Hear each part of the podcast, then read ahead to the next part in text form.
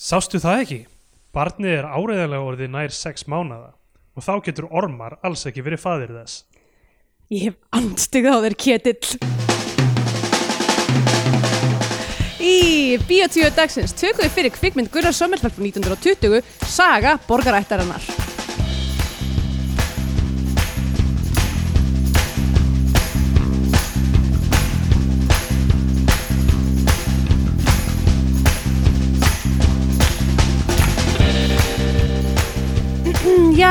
Komið heil og sæl og verið velkomin í Bíotvíu hlaðvarpið um íslenska kvikmyndir. Ég heiti Andrea Björk og hér með mér situr Stendur Greitar. Sælublesaður. Góðan daginn. sagði Góðan dag. Hvað segir þú gott? E, ágætt. Já, Já, ég er eiginlega bara peppuð. Ég er búin að sakna þess að taka upp. já, Eh, sumleðis. Við náttúrulega tókum upp, hvað, í november síðast eða eitthvað? Einmitt, uh, alltaf gott að taka smá pásu þá mann maður hvað virkilega skiptir máli og það er að, Það er að, að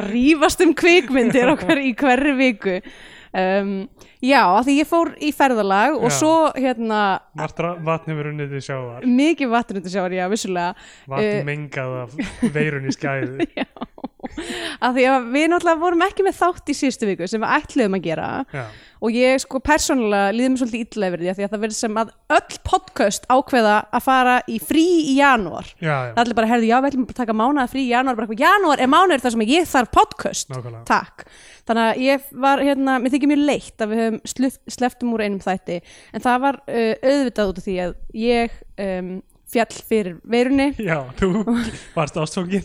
ég, ég, vei, ég og veiran við uh, lögum Þér heit, nýjasta heita itemið það eru þú og Veiran og það er Kanye West og Julia Fox. Þetta er svona heitustu nákvæmlega.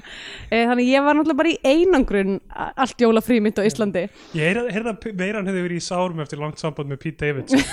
Hafði það einhver áhrif á sambandið ykkar? Uh, nei, ég get ekki sagt það sko. Við höfum bara, eiginlega bara ágætt Já. Sko.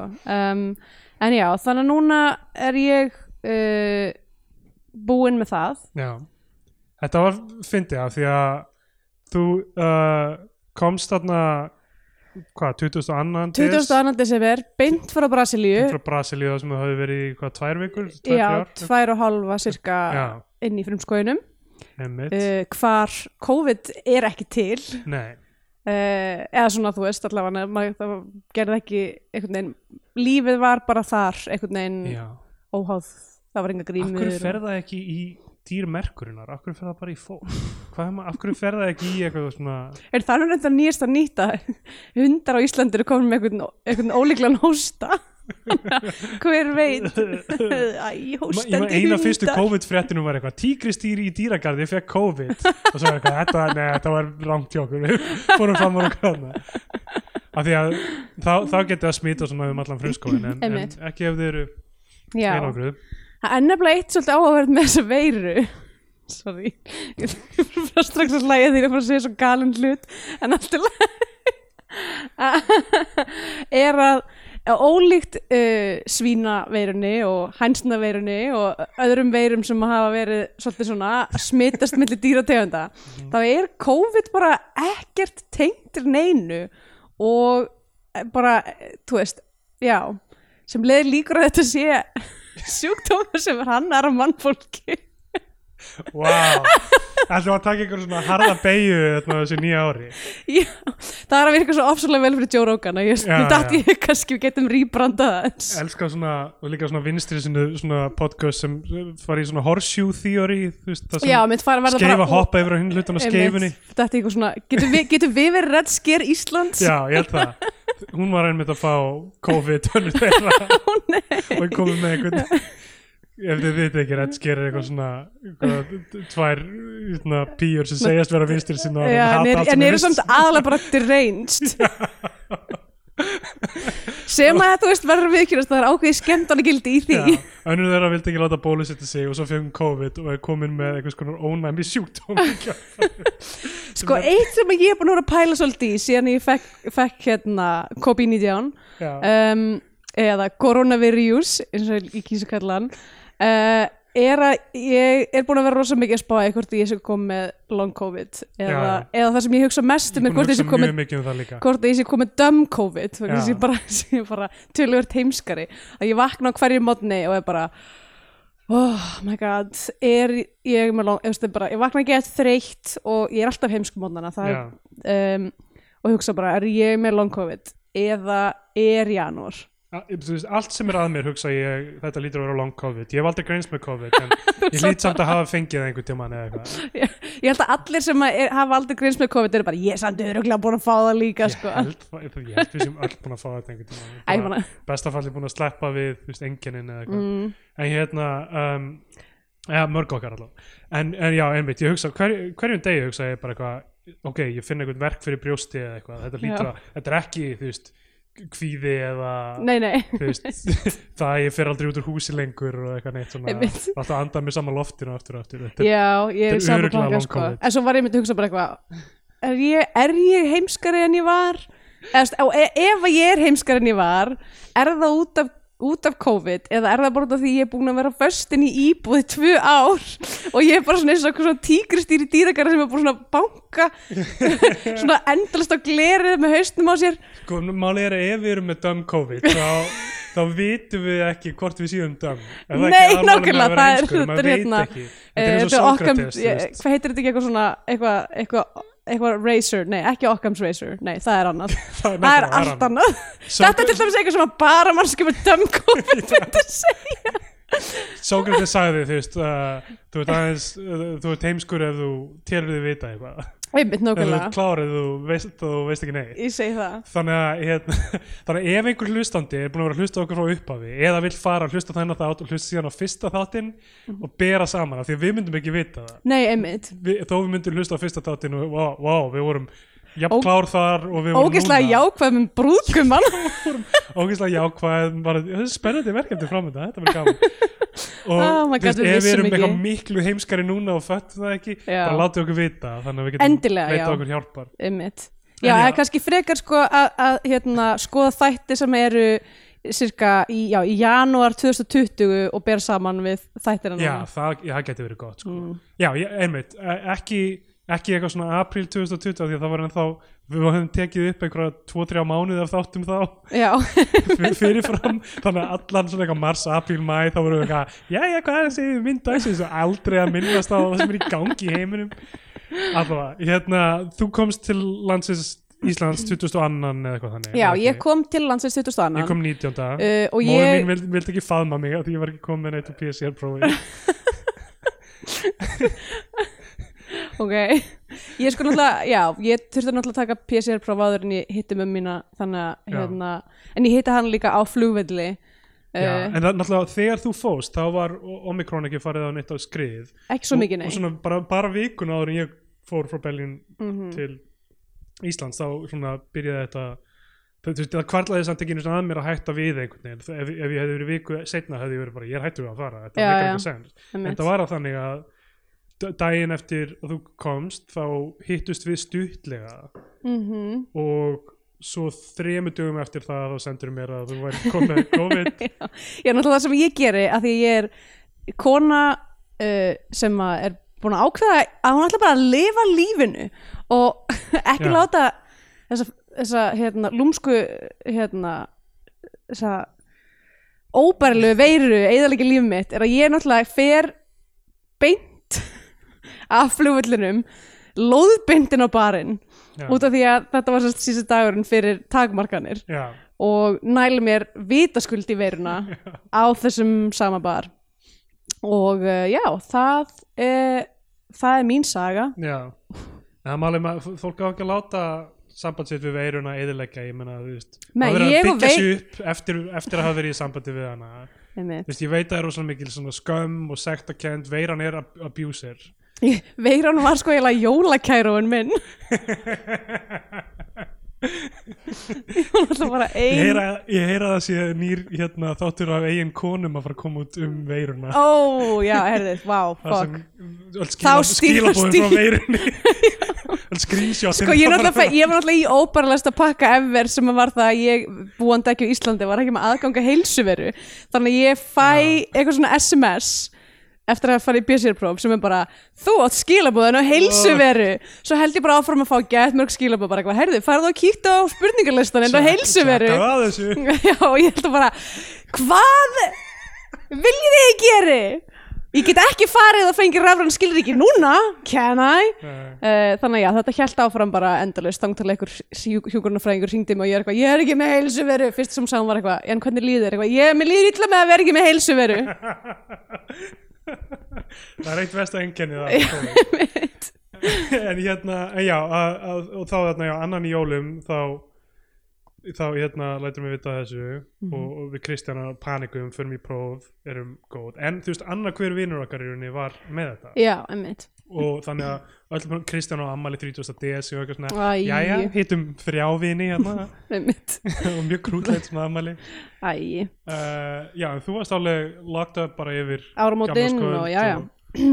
ég náði allavega að halda jólin. Og ég náði líka ekki að smita neitt já, ekki eins og í kærastamenn sem ég fór í sleik við. Vá. Þegar ég átti að vera sem mest smitandi ég sagði, sagði vinkurum minni frá þessu ég var eitthvað, já við vorum sko alveg í sleik og eitthvað. Og ég náði ekki eins og smittan, hún var eitthvað við erum ekki búin að vera saman í átta ár?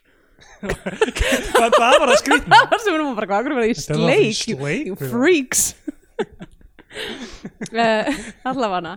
Þannig að það var allavega svona smá léttir af minni bringu að ég náði ekki að smita þú veist, afa minn og eitthvað. Já, þú varst aðalega að fara náttúrulega í sleik við hann bara til þess að gera veiruna afbríða saman já, einmitt. þannig eiginlega sko, einmitt, var þetta með með veirun og mig um jólin er að þetta var sko, ég var að reyna ég var að reyna, ég reyna að fá veiruna inn sem þriðja aðala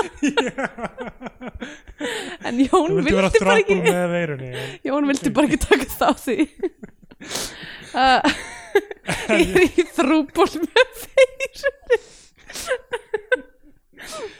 veirunni veiran er, er- er minn einkýrningur já, einir uh, ok, hú, herðum ein hyrningssóttin eins og já, ég mynd okkur uh, kossaflensan sko hérna já og hérna þú náður ekki, að- ekki að gera eitthvað samt eftir að losna þér úr en að því að þú veist þú varst kannski, varst ekki ögn lengur en þú ætlaðir að vera jú, jú, jú. þess vegna náðu ekki að taka upp Jú, ég náði aldeilis að fá mér rafræn skilríki. Já, ok, fyrst á dagskrá. Ah, þannig að það var kannski svona highlightið mitt Íslandsverðinni ok. En við sko flugum tilbaka náttúrulega annan janúar bara sex um morgunin af því að við panikum og heldum að þetta breyta reglunum með komuna til Þýskalands. Já, mitt. Að að þið voru bara sáuð, sáuð stöðin í samfélaginu og þið bara brunuð Já, upp á völl í konvertiból og skutu út í loftið. Við áttum að fljúa svona eitthvað síðdegist þriðja. Og, og svo sem sagt, ó, hvað ef við fljúum þriðja og þau er búið að breyta þannig við þurfum að fara í tveggja vegna sótt já, þegar við mætum eitthvað þannig. Og þannig að við okkur færiðum flugið til á annan og sex um morgunin og þú veist, við náttúrulega vorum úti á gamlarskvöld heil lengi og eitthvað og vorum alveg handónýtt og eitthvað. En hérna, já, svo var reglunum ekkert breytt og við mætum bara einhver sótt hví og, já og næs, núna bara, já, bara nýtt ár bara tilbúin að takast á við það ekki með ómiklar væntingar ekki með neinar væntingar. Ég er með, ég er með núl, slétt núlvæntingar og það er svo frelsandi já, að vera bara eitthvað það er ekkert gott að fara að gerast kannski eitthvað slæmt já. en bara svona er þetta bara. En hvað getur maður left, maður hlýtur að hugsa að þú veist, stundu fæ ég góðan kaffibotla eða þú veist, ég fara í bað með tebotla eða eitthvað. Það er allt botla tengt, eða standa út á svölum með kakobotla bolla af rauðvinni uh, já, eða morning wine eins og ég kýsa að kalla það. Já uh, Skypa við alla botla um, er þú ennþá þetta Skype uh, já, en þú veist, maður hlýtur að geta gert einhverjum svona mæntingar, þú veist, gera Já, sér já. næ, næst kvöldverð eða eitthvað mm hor, horfa á horfa á einhverja bíómyndir eða eitthvað. En hérna, en já, það er fínt að fara inn í þetta með í rauninni engar væntingar Já. um, ég hugsa bara um bara stupid kannski COVID brain me fyrir árið síðan, kannski fekk ég OG og vissi ekki eins og því, ólíklegt en allavega. Hana að bara síðustu árum og var ég bara eitthvað svona þetta getur bara orðið betra núna. Nei, ó nei. Það, ég, það, þú veist þetta er svipað þetta, þetta er aðeins skárun fyrir ári hérna, af því að við vorum Já. náttúrulega í írunni sex mánuða lockdowni hérna Já, í mitt. Þískalandi einhvern veginn sem flög einhvern veginn, Já. virtið samt einhvern veginn stýttra en, en tveggja mánuða lockdowni 2020 og já, allt mjög skrítið. En eitthvað sem fólk þurfti ekki að hugsa um fyrir 100 árum síðan. Ekki rétt. 1920 var COVID-19 COVID-1919 náttúrulega 1920 er uh, ég veit ekki betur en spænska veikin Já, sé já, að það er blússandi ferð hún er það um, sem ætti í rauninni að heita amerska veikin nákvæmlega, þetta var, þetta var svona China flu þeirra á, á þeim tíma sko. mm. um, en uh, hérna En allavega, við erum sérst núna að fara að Já, fjalla það um er nákvæmlega, nákvæmlega árunni sem þessi mynd er tekin upp, saga Já. borgarættarinnar einmitt. Ég, Já, Hve- hvernig ég held að veri Hún hefur örugglega verið tekin upp sko ég veit ekki einu eða tveimur árum fyrir Já, hún er Eh. te- tekin upp 2000, og- nei, 1919 Já, að þá náttúrulega eins og fólk mann vel 1. desember 1918 að þá var aldrei leiðileg stemming í Reykjavík Pæli í frostavetur og, og spænska veikin og hérna og gott ef að Katla var ekki að gjósa líka Já, Jesus Er þetta bara eitthvað sem gerist uh, á 100 ára fresti? gæti verið.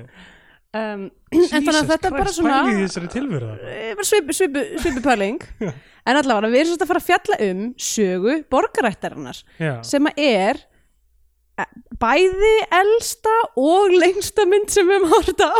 Já um, Þetta, hún er frá 1920 Við vorum aldrei almennilega viss hvort við ættum að taka hana því að veist, hún er að mestu leiti dönsk framleiðsla en er Já. tekin upp samt á Íslandi aðalleikarinn íslenskur, þetta er eftir bók Íslanding Íslands- sem þó er já. skrifuð á dönsku og gefin út og mér finnst hún eiginlega falla í hennan flokk að því hún er líka, hún er eiginlega fyrsta svona, svona inspired by Iceland Já, meikið, að því hún er svo mikið að fjalla um eitthvað svona maður og náttúra og íslenskt landslag og eitthvað svona, já hún er algjör Íslands bomba þessi mynd sko. Ég held ég að það er 1920 en þetta er 1921 sem hún gefur út á ok, ég er með 1920 í mínum blöðum, um, já. allavega samkvæmt hérna rúf appinu og gott að minnast kannski á það að, að þessi mynd er inn á sarpinum þannig til 1. februar Já, þannig að er hægt að horfa á hana ef ykkur langar að horfa á þryggja tíma Já. þögglamynd Sko, sko mér finnst, við þurfum að fara, fara yfir, yfir mér finnst svo ógeðslega fyndið að þessi mynd hafi verið línulegur á rúf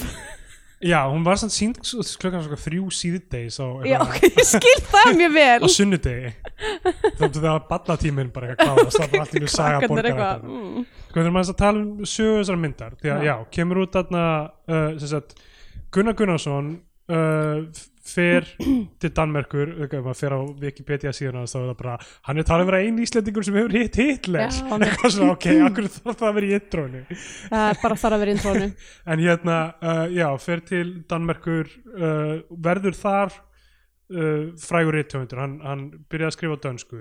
Mm og þetta er það sem slæri í gegn hjá honum. Það er þess að uh, bækur um sögu borgarættarinnar já, sem eru fjórar talsins, fjögur bindi. Þetta er sko ég hafði aldrei lesið söguborgarættan ég hef lesið aðvendu og svartfugl og ég held að það sé mjög bara allt sem ég lesið eftir hann. Já, já ég veit ekki, ég kann, man, man ekki listans. gæti vel verið ég hafi lesið eitthvað annað og bara glemt því. Uh, það er svo gaman þegar maður fer í bókmyndafræði og bara svona les þú veist, 10.000 bækur á nokkrum árum og svo bara gleymar það strax. En hérna en ég vissi ekki að saga borgarættarinnar er basically eitthvað svona Dallas. Já, þetta er náttúrulega í rauninni einhvers konar svona veist, og, og Bækur, núna sko. finnst mér sko sérstaklega eftir að hafa hort á þetta og lesið mér til um þessar bækur það finnst mér svo illa vegið að Guðrunu frá Lundi hmm. af því að hún skrifaði eiginlega nákvæmlega sama dæmi sem er Já. Dalalíf uh, nema hún náttúrulega fekk ekki neitt hrós fyrir og var ekki tilum til Einmitt. Nobelsvelununa fimm sinnum og eitthvað þú veist, og þetta er samt, þetta er bara basically sama dæmi já, já sko, það, já, þetta kemur út uh, fyrsta 1912 Ormar Örliksson fyrsta bindi, annað bindi Den danske frue på hof og uh, þriðja bindi Gest den en øde Já. fjórða bindi Den unge øen 1914 mm. uh, og uh, þetta verður svo vinsælt að sko kvikmyndarétturinn er keiftur en Gunnar Gunnarsson var eitthvað svona hardballing Já. hérna framleiðsluna þannig að hérna þannig að hann endaði að fá alveg frekar mikinn pening og uh, gegn því að hann myndi koma til Íslands og taka þátt í framleiðslunum og vera viðstættruna hann er vist eitthvað auka hlutverk þarna. Já, ok en ég bara veit ekkert hver sko. Nei, ok Það er ekki með neina línur því engri er með neina línur Nei, mynd.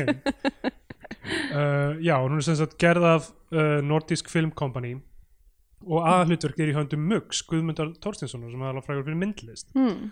og hún er tekin upp á Rangárvöllum uh, í Borgarfyrði, Reykjavík og Hafnarfyrði þannig að borg í þessu er ekki þú veist borg á mýrum tala, held ég þú veist það er eitthvað að tala um borgar fjall og borgar eitthvað það er eitthvað, mikið af samt lönd, svona uh, óðulum sem að heita borg.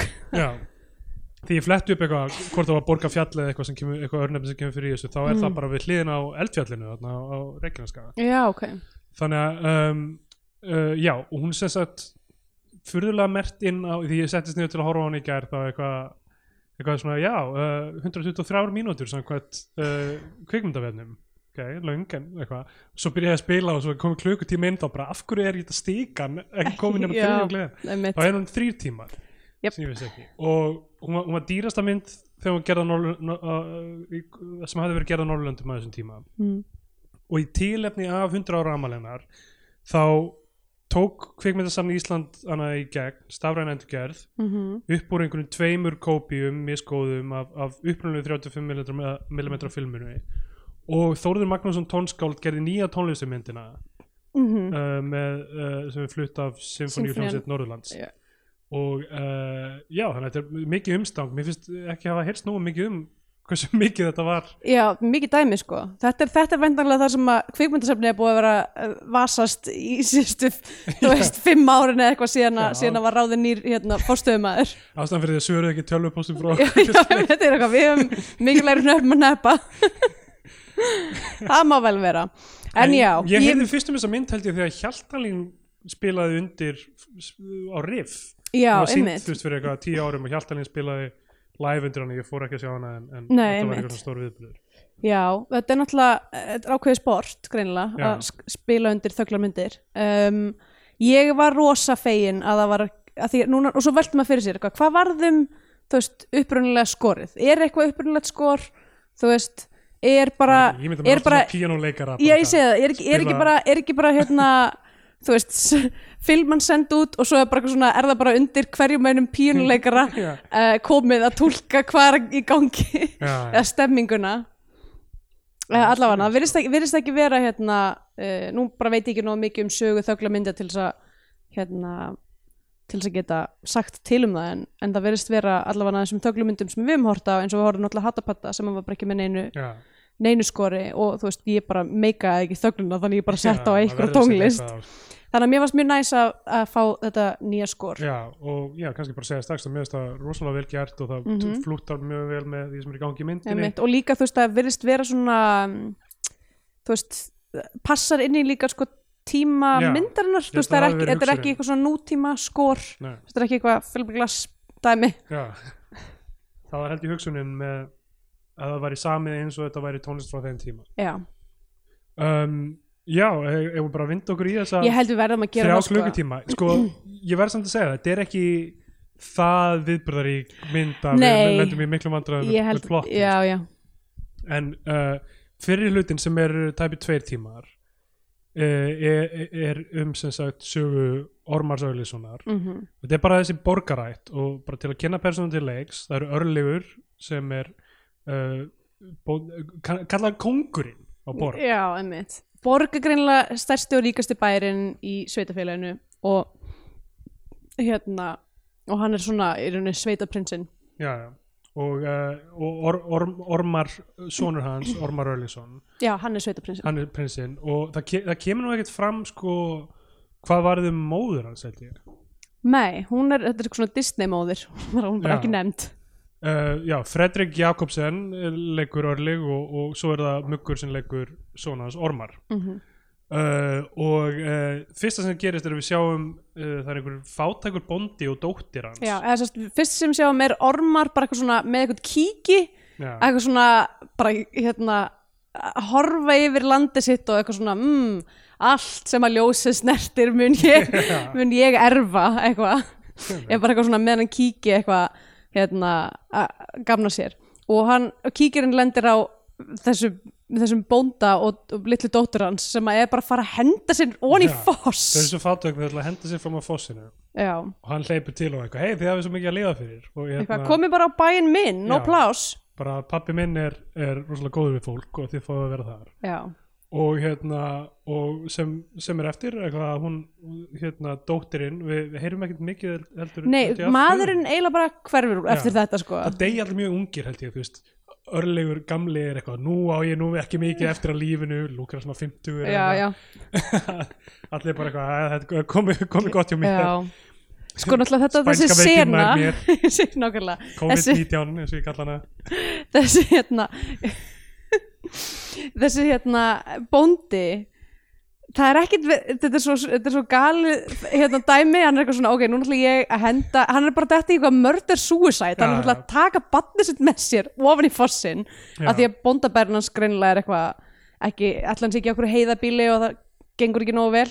Um, en allavega svo þú veist bjargar hann þeim, fer með það bæinn sinn og allir eru bara, ó sjá þess að litlu stelpu konu krútlega, er hérna sest þú bara niður þarna í hotni, eitthvað, enginn að pæli því bara eitthvað, þarf þessi maður kannski smá aðlýningu, hann var næstu búin að drepa batni sitt.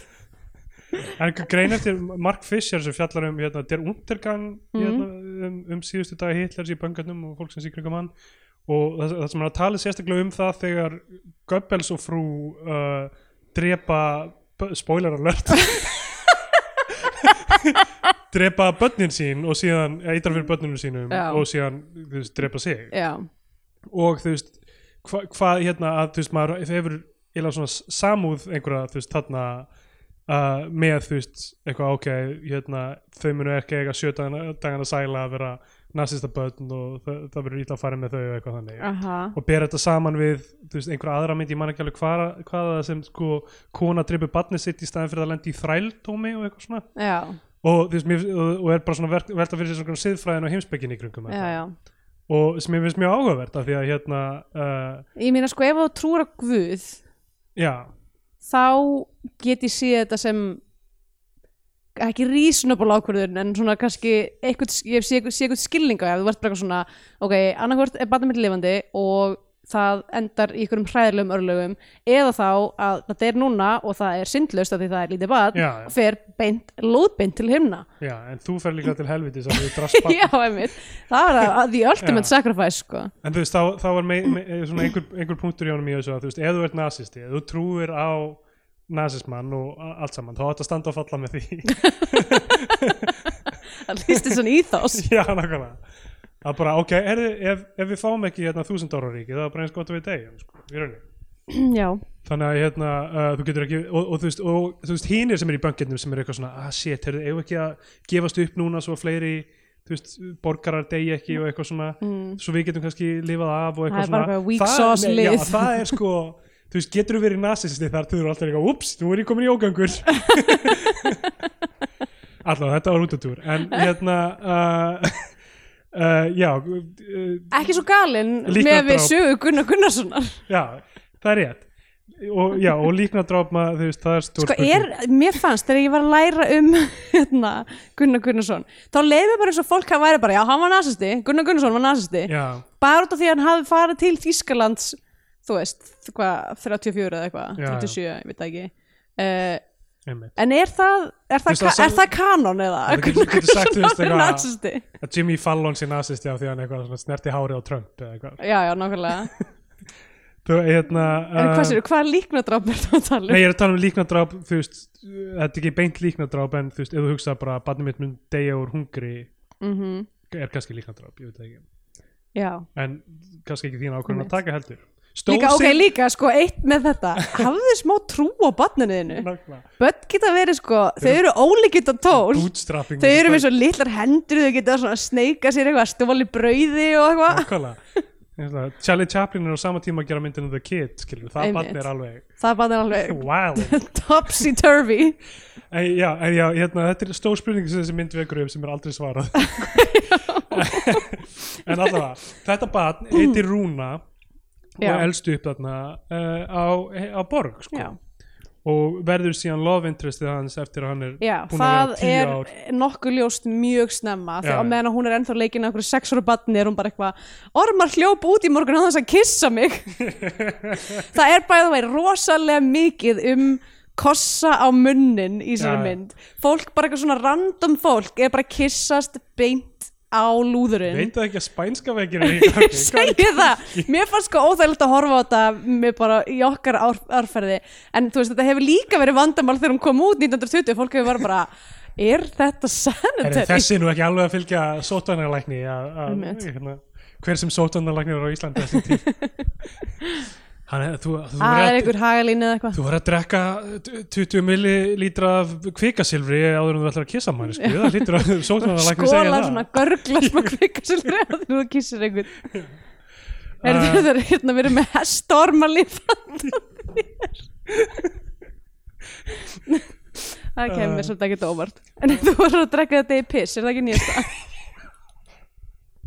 æjæjæj allavega hérna um, já, já, sérst þannig að það, það er búið að kynna hana til leiks og svo bara hverfur pappinar og við sjáum hann aldrei meir. Um, en Ormar spilar á fiðlu og svona tónlistin svona á skorinu flúttar mjög vel með þegar hann bara svona hann er eitthvað að stilla strengi stríkur og, bóðanum á við, við, við strengina og þá hérna og, og textin er að segja ykkur sko hann, uh, það svona kvílir á honum að þurfa að taka við borg sem, sem eldri hann, sonurinn. hann pullar sko mesta hérna, cis white man já, statement allra tíma þegar hann er að tala við hérna, fátaka bóndan sem er nýbúin að henda sér í foss Já. og hann er eitthvað já, mér líður nú líka bara eins og ég sé í fangilsi með, með þetta ættar óðal sem ég þarf að erfa. Bara veist ekki hvað er erfitt að eiga kapital gamli maður? Hann er Jésu sko, í rauninni. Hann, er, veist, hann þarf að taka við ríkinu ríki Guðus Mm. en hann efast og hann, hann endar á því að fara burt og þú veist, eins og við vitum ekkert um æfi Jésús millið þess að hann er eitthvað svona 12 og 30 já, með, hann er bara sem, eitthvað það sem er the wild years. Já, það sem, hann er að berðli í kaupmannahöfn að læra, læra á fiðlu. Já, já, en þess að hann er svona, fólk er sammælist um það að hann sé ofsalega flinkur á fiðluna. Já, og hann, hann er eiginlega líka svona fyrsti, eða svona OG í íslenska kvikmyndasögu svona Sveiti Borg hérna, já. Svona típan sem er eitthvað, að kannski er meira í þessum heimi heldur en hérna heimahagarnir. Nefnilega, uh, ég, veit, já, ég veit ekki alveg hvernig fjallaefindur sagan gengur fyrir sig sem er valla íslensk mynd sem kemur út undan, eftir íslenska sögu ge- tekin upp í Svíþjóð. Uh, það er eina myndin sem er á kveikmyndavöldum sem kemur út fyrr en uh, mjög líklega er það rétt. Og uh, þegar hann spilar á fiðluna það er draumurinn að sko, tónlistin er, er það sem mm virkilega uh, gerir lífans að einhverju og, og hérna og við fáum hérna, mjög svona, svona það sem ég fannst eiginlega pínu mótern fyrir kvikmyndagerðina er þú veist að um, þegar hann er að spila já, að þá er sagt, hérna, sem sagt, overlayað yfir, þú veist, íslensk náttúra. Hann svona tekur, hann er svona náttúrubarn og tekur já, hérna tónlistina einhvern veginn beint frá fjöllunum og sólinni og eitthvað svona. Mjög, uh, mjög, mjög flott sko, gamalli filmu og er, þetta- gerist líka í höllu pöttu held ég sko. ég held að Já, ég held að fólk trixið. verið mjög spennt fyrir þessu hérna, þessu overlay tekning þessi mynd þótti víst vera mjög framstæðnulega á sínum tíma held ég sko. Já, um, uh, segir í umfjöllunum hana. Ég, ég hef ekki séð samtíma heimildur um það en ég, men- ég trúi því. Mm, uh, og þú veist svona hvernig fólk er málað og stundum hvernig composition er þá, þá Mhm. fær maður til að hugsa veist að, að það sé einhver áhrif sótt í þýskan expressionisma þó að, veist, Já, þó að þetta sé ekki veist, sömu hérna, settin og sömu svona nei, en það er samt alveg þú veist alveg sko. með svona hérna, stage-málingu eða svona, já, svona dökkan varalit og eitthvað. Mikinn augskugga og hérna, og þetta er eitthvað sem að ég velti fyrir mig hvort þess að þetta púla, eða því hérna, ég var að lesa að lesa grein um gerð Hiskal Friday Já. og það var eitthvað að tala um, þú veist, það var gett erfitt að finna hérna, aðleikunina og það var vist, voru, svo- voru svo mikið vandamál með hana er að hún var ekki með nógu hérna, defined kjálkalínu. Þannig að það var rosa mikil vinna eitthvað svona, að setja eitthvað svona dökkal lit á, á hálsina á hana og eitthvað. Og ég svona hugsaði með mér, getum við ekki bara byrjað að gera þetta aftur, ég var alveg til að vera með aðeins meira defined er þetta kjálkalínu. ekki nýjasta trendi er eitthvað svona kjálki þú veist þá er eitthvað Já, það, eitthvað stóri rassar mjó, mjó mitti Kylie Jenner varir og núna er komið núna er komin eitthvað, eitthvað svona eitthvað svona kjálka spýttbriðandi kjálkar. Já, ok, er cool. Trend forecast. Heyrði það fyrst hjá mér. Uh, sko, ok, Ormar hann uh, vakir yfir ulliri þeir eru búin að ríða alla kindunar Mhm. vakir yfir ulliri og svo er klift yfir í sem sagt bara svona, mér finnst þetta sequence allt eiginlega setja rangan tón fyrir myndina sko. já, er, er sko að presturinn í að kaupstafnum og kaupmærin er að tala saman bara einhverjir gaurar sem við sjáum bara í þessari senur næstu mitt. þeir eru eitthvað svona, heyrðu, að helvitis hérna, borg er að, kemur alltaf með ullina hérna, presturinn segir, mér langar að selja þér ullina líka og, og hérna, selja hana og uh, fá gott verð og eitthvað, hann er eitthvað, kontu með hana áður en þeir koma með þeirra ull og þá, Einmitt. Sko þetta snýst samt eitthvað um hvaða verð maður fær fyrir ullina. Já, já. Uh, ég nefnilega ég skil ekki ekonomikina ég, ég, ég, ég, skrifaði bara á maður að skilja þetta dæmi með ullina eitthvað, þetta er alveg löng síkvensa sem Já. fjallar um þessu ull og ég gæti ekki sagt þér hvað er að gerast eina sem ég finnst, mér finnst bara borgættin koma rosalega illa út úr þessu síkvensi og þú veist, þessum svona búljar í rauninni. Þú veist, það- hann sér, ok, herru, presturinn er að fara með ullinuna, hann sér hestana hans hann er að fara með henni í kaupstæðin og, og hérna, og þannig að hérna, hann vekur alla og þeir henda þeirra ull og hesta drífa hann í bæinn og hérna og örli, eða, ormar st- bara svona stígu fram og er bara, herðu, hérna, ef þið ætlið að kaupa þessa ull, sko, þá bara fyrir við bara tilbaka með ykkar, okkar ull og Já. megið ekki kaupa hana Einmitt. og þeir það er eru víst bara þeir eru að að geima markaðin Já, þeir eru bara að nota sína stærð til þess að búlja minni ælan sem er reynda að vera aðeins á undan og klókur og enda kalla þeir Örleif kongin, þeir kalla hann alltaf kongin já, já. King Örleifur og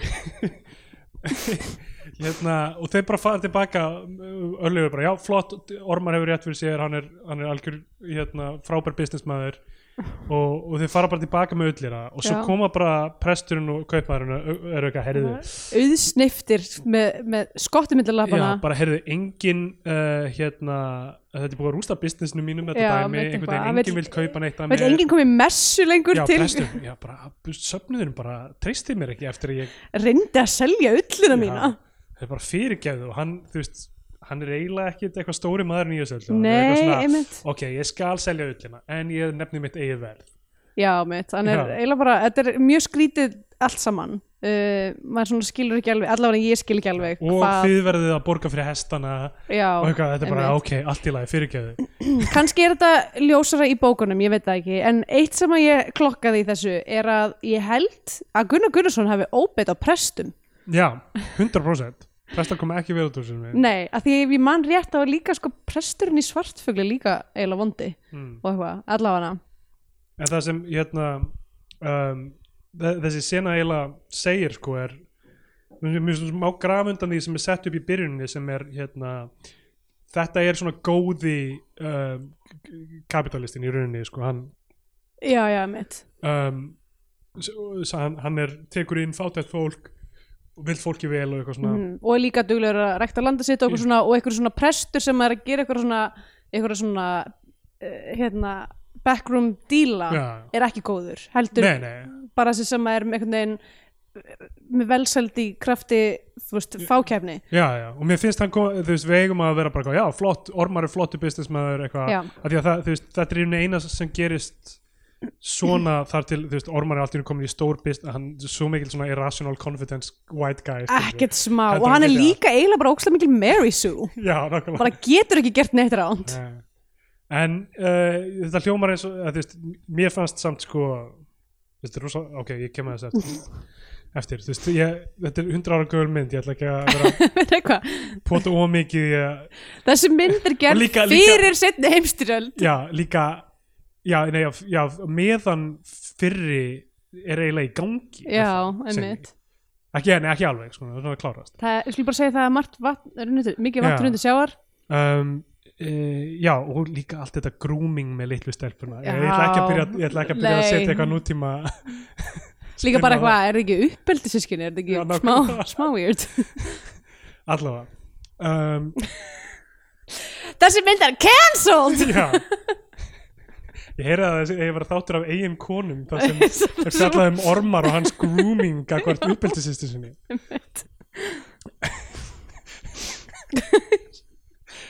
uh, sko um, hérna gera petition til þess að fá rúft rúft til að taka þessa mynd út á sarpunum Þetta er náttúrulega ekki í lægi að sé vera að sp- spila þetta um miðjan dag svo að bönnin er að fara að horfa á Þetta þetta. er eitthvað, já það er allt í lagi ef við fyrir fóstur til annar fjölskyldu og bara eldri bróðir minn. Alltaf að kissa að munnin. kyssa Saga borgarættarinn er cancelled. Já. um, allavega uh, já þau s- þau sættast og presturinn og þau sjá ormar spila á þyluna og presturinn er bara wow hann er bestur að spila á þylu í heiminum hann fær eitthvað þúsund krónur fyrir hvert gig. Uh, ég, ég skal senda hann ég skal hérna, koma hann í tónlistanám í Köpen og ormar siglir til Köpen kynnist þar á leiðinni uh, Jansen skipstjóra og þau verða bestu vinir. Og uh, Já, sá, sá skipstjóri er skipstjóralegasti skipstjóri sem nokkuð tímann hefur skipstýrt. Já, hann er með svona hann er svona hangandi þetta er sko þessi, sko kvikmynd að gera svo unga þessum tíma, það er ekki tróps er ekki já, til. nákvæmlega hann er svona tvínefti með látúnsnappa gett stóra pípu og svona roskin einhvern veginn. Nákvæmlega, ætlaði að vera að brainstorma þessa mynd og eitthvað svona, hvað ef, þú veist, lest uh, kemur á lestarstöð í myndinni og eitthvað, nei, það er klísja, það er búið að gera það. Já, hvað ef þið fara til, ferð til tungsis nei, nei, nei, nei, klísja, það er búið að gera ok, herru, brainstormum bara skipstjóri, skipstjóri sem er eins og bara hann er, skipstjóri með, hann er með pípu, hvað finnst ykkur um það? geggja, aldrei verið gert á þér um, og hérna hann kemur til köpen skipstjórinn hans fylgir honum að dýr uh, um, að dýrum hérna uh, hann? gra, professor Gral já, professor Gral sem er hérna mesti tónlistasnillíkur uh, kaupanafnar hann hringir bjöllunni og professor Gral er sofandi uh, já, það er eitthvað svona að tenda okkur slapstikið þarna. Á- þetta var eitthvað svona fyndið og um, og já, og svo sérst vaknar hann og er eitthvað, já ok, hvað er inn eitthvað. Og svo kemur á daginn að Ormur kann ekki að lesa nótur eða neitt. Já, en hann spilar fyrir hann og hérna er, er það, hann sér eitthvað svona raw talent. Já, og það fær hann til þess að vilja taka við honum. Svo líða það næstu í tíu ár, já. Það er bara svona cut, tíu árum time, time jump Það, þá hefur Ormar ekki ennþá spilað uh, opinberlega. Hann, hann á að spila sitt fyrsta opinbera gig. mm Uh, hann að koma þessar þúsund krónur loksins. nákvæmlega, eftir, eftir tíu ára með professor Gral Mhm. og uh, Heyrðu, eitt sem ég vil að nefna áður en við höldum áfram þegar hann fer til Kaupanahafnar að þá er svona moment að því við erum móða lítið búin að sjá bróður hans Ketil já, uh, hérna sem sko í lýsingunni er bara eitthvað ketill, er bara óstýrlátur og er hræðilegt barn. óalgjörst óféti.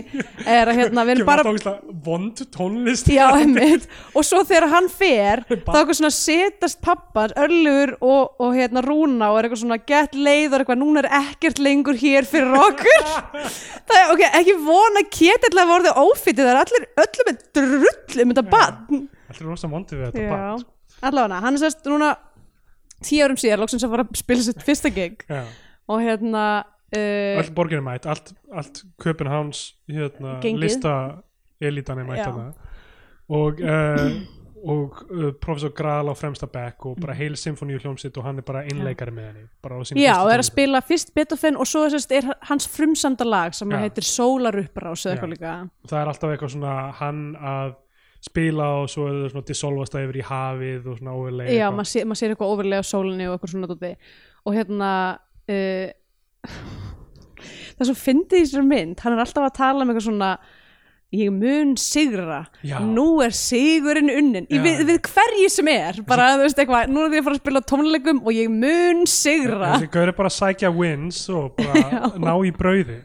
Já, já. Þetta er svona gera, gerðum hennar þessum tíma um, Algjör King. Og hérna hann um, slæri gegn. Allir elska hann, professor Gral er að missa vitið. Gaurið með hliðan honum, er alltaf að snúa sér að honum og bara svona, takk í höndir hann bara, hvað tjóðlega þetta flotta gaur, þessi ormar. Og svo spilar hann sitt frumsandalag en, en svo kemur svona bara spjald sem er bara eitthvað, en það, það hleypur í hann púki og hann ákveður að virkilega svona vilja eh, bara bara go wild og einhvern veginn fríka áhörundur út og bara byrjar virkilega bara- fá það til að missa viti Já, því hann er eitthvað svona, ah, eitthvað, ég, hann, því hann nennir ekki að konforma. Já, hann er listamæður fyrir listarinnar já. og þú veist, að því hann er svona náttúrbarn og spilar bara frá sjálfum sér. Mm. og hann er bara eitthvað, hei, nú ætla ég bara eitthvað að breyta yfir eitthvað jig og byrja bara að spila eitthvað, þú veist Þetta er bara eins og Back to the Future sko. hann er bara að droppa ykkur rugglin í settið tæma, tæma gætt dansgólfið já, já, það- þarf einhvern veginn að loka staðnum að þess að vera leiðilegur en þú veist, þetta er eins og Marty McFly sem hefur bara spilað, þú veist, á skólaballinu og, Mhm. og finnur upp rock'n'roll og frændi Chuck Berry, Marvin Berry ringir, ringir í Chuck og er bara, herðu tónlistin þú er aldrei heyrt á þau, rock'n'roll, viltu læra hana? Hérna, þessi Já, hvíti þessi gaur var hérna er- að spila hann í fyrsta sinn í sögunni einmitt. og hérna um, og, og svo náttúrulega gengur Marty McFly of, of langt og, og, og allir hætt að dansa og horfa á hann og hann er bara uh, you, th- this is too wild for you but your kids are gonna love it Já. Uh, og það er unni það sem gerist í þessari mynd alveg einhverjum 70 árum áður sko. einmitt uh, það sem að segja að Robert Zemeckis hafi stólið úr sögu borgarættina söguborgarættarnar hérna, það sem gerist er að hann byrjar að spila eitthvað eitthvað eitthvað eitthvað skemmtilag, eitthvað svona grínlag. Uh, bara því að hann er cheeky hann er cheeky motherfucker. Og hérna uh, og hann drepur gamla kallinn. Já, gamli kallinn deyr. Af því þetta er klikku tónlist þetta er bara alltaf klikka, hann bara hann fær bara fyrir hjartað Já. og hnýgur niður það er, það er ekkert staldra mjög mikið við það bara sko þessi gæi, þessi örlugur hann er, ekki örlugur heldur Ormar, já. hann er svo að hann er bara eitthvað, ég er búin að vera að æfa í tíu ár, þessi gamli maður er búin að eyða síðustu árum lífsíns já, já. í að þjála mig og ég ætla að sólunda því öllu að því að mér leiðist Já, Og hann, hann dreipur hann og hann bara stekkur beint þegar hann frettir það að hann sé döður og stekkur hann beint upp í skipið á Jansen Nei, hann sko komin upp í skipið þegar hann kemst, kemst að því að hann sé döður ó já, ok Jansen, en, Jansen skipstjóri segir honum það. Okay, og hann er bara eitthvað- hann var að tala um einhvern annan að undan ég var ekki hvað fyrir þeirra á milli en ok. Allavega, hann segir bara eitthvað svona já, ok. Nei, kann, já, kannski er það bara því að skamma sín fyrir giggið eitthvað, En já, Jansen er að fara í sinna fyrstu ferð, nei, síðustu ferð til Íslands. Og að því að sko um, að því að einhver er að selja skipið eigandi þess eða eitthvað. Uh, þannig að hérna hann fyrir upp í, upp í hérna, skipið og, og ákveður sér bara, herðu, hvað ef við bara kaupum þetta skipafyrirtæki? Og, og hérna einhvern veginn, já. Er hann, hann bara maður sem hefur aldrei unnið við samgöngur eða Nei. frakt. Eða, einmitt, eða bara, þú veist, annað heldur en að vera bóndi? Já, horfa, fylgjast með ullinni já, og nokkulega búlja einhvern prest sem vil selja sína ull.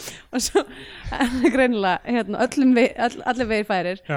Um, og, og þeir slá til og bara stopna eitthvað Já. það skipafélag er bara forstjóri skipafélagsins með Janssen. En fyrst sem sagt fyrir til Íslands og þar komst við að því sko að að Ketill sem er núna uh, náttúrulega orðið fullorðin uh, er búin að vera í prestnámi og hann vil taka við borg eftir það. Af því hann er bara eitthvað sko, bróður minn hann bara gítaði til Kaupanhafnar og þú veist, er Hann bara heyrst frá já, nokkulega, hann er ekkert að koma aftur þú veist, bara eitthvað, sem ég myndi segja væri bara mjög reasonable hlutur. Og allir um miður síni vera Ketill að taka við borg Já. þessi vondi, vondi prestur og uh, hérna Ormar kemur aftur, hitti fjölskylduna ógæslega spennandi, allir kissast munnin og hérna já, Rúna hann það kissir eitthvað gamla fóstur á munnin og hún er eitthvað, ég, hann kisti mér nú bara beint á munnin. Ok, hún dó síðan úr spænsku nokkulega Þetta, já. Um, Ormar hann var antivax. Hann vildi bara ormalif sko.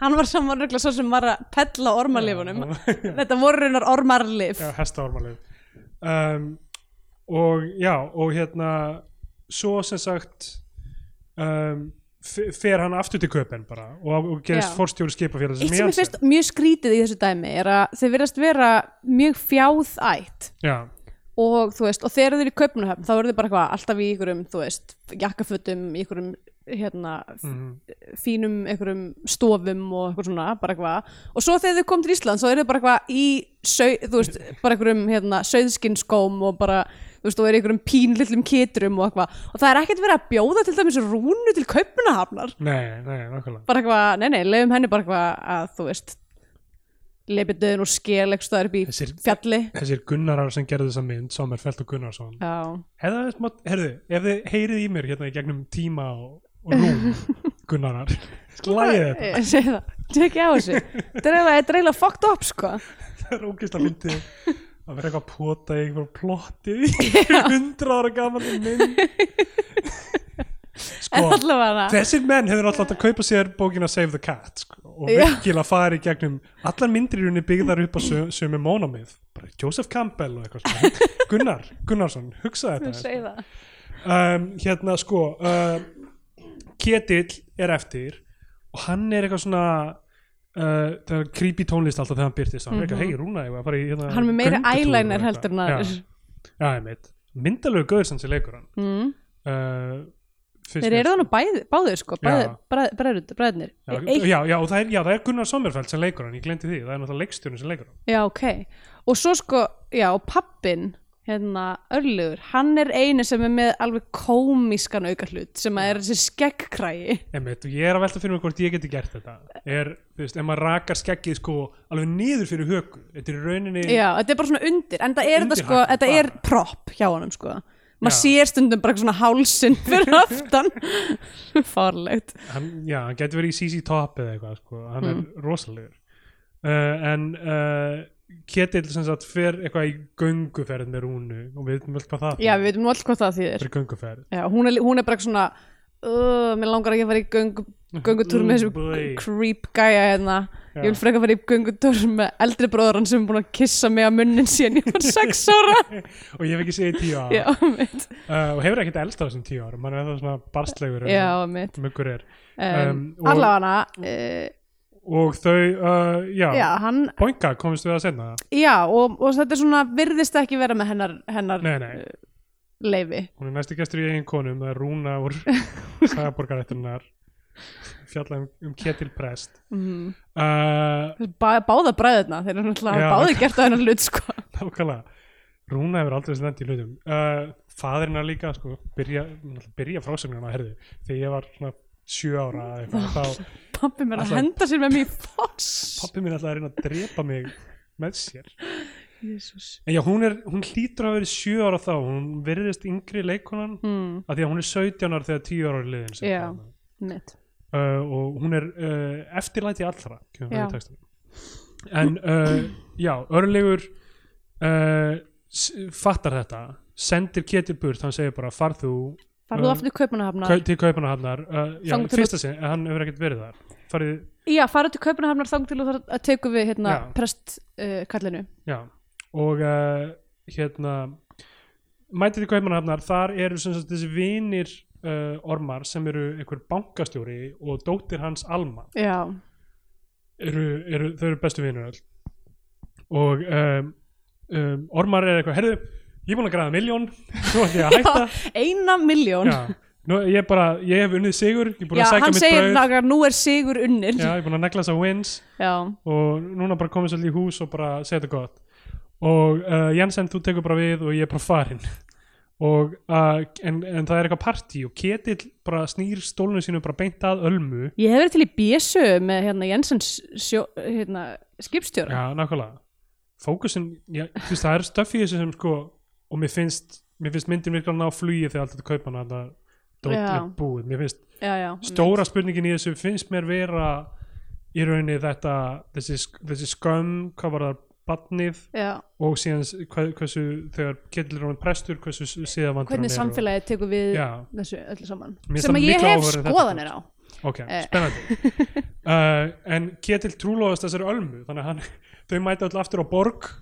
Rúna er ólétt með bad Ketils. Já, en Ketill mætir bara, herru, ég er hérna með uh, já sem, sem, að, sem að eiginlega sko Alma hafði verið sem ég að reyna við bróður hans já, við ormar, Ormar, hún var eitthvað, viltu ekki koma út að keira með mér? Já. og hann er eitthvað, ég hef enga tíma fyrir það ég er að, ég er að mala gull. Ég vil bara vera í skrifstofunni já, rise and grind, baby. Já, hann er bara eitthvað, ég, ég meina sigurinn er ekki unnin nema sækir þetta brauð. Nákvæmlega, um, hérna, þannig að hún já, þessi mynd elskar ormar svo mikið og hattar Ketill já. En Ke- Ketill trúlóðast ölmu þetta er náttúrulega hérna, biblíubræðinir sko. Kain og Abel þá eða? Já. og hvað, er ykkur aðrir? uh, Jésús og Fresús ég veit ekki. Slakkar bróður að sér um, Monfrersús uh, uh, já, um, Jesú, Fresús breyti vín í vatn. Svona- syndi á landi. Svona- alltaf svona uh, uh, hann tók mörg hann tók heilt troll af fiskum og breyti í eitt fisk. Hann drap mann.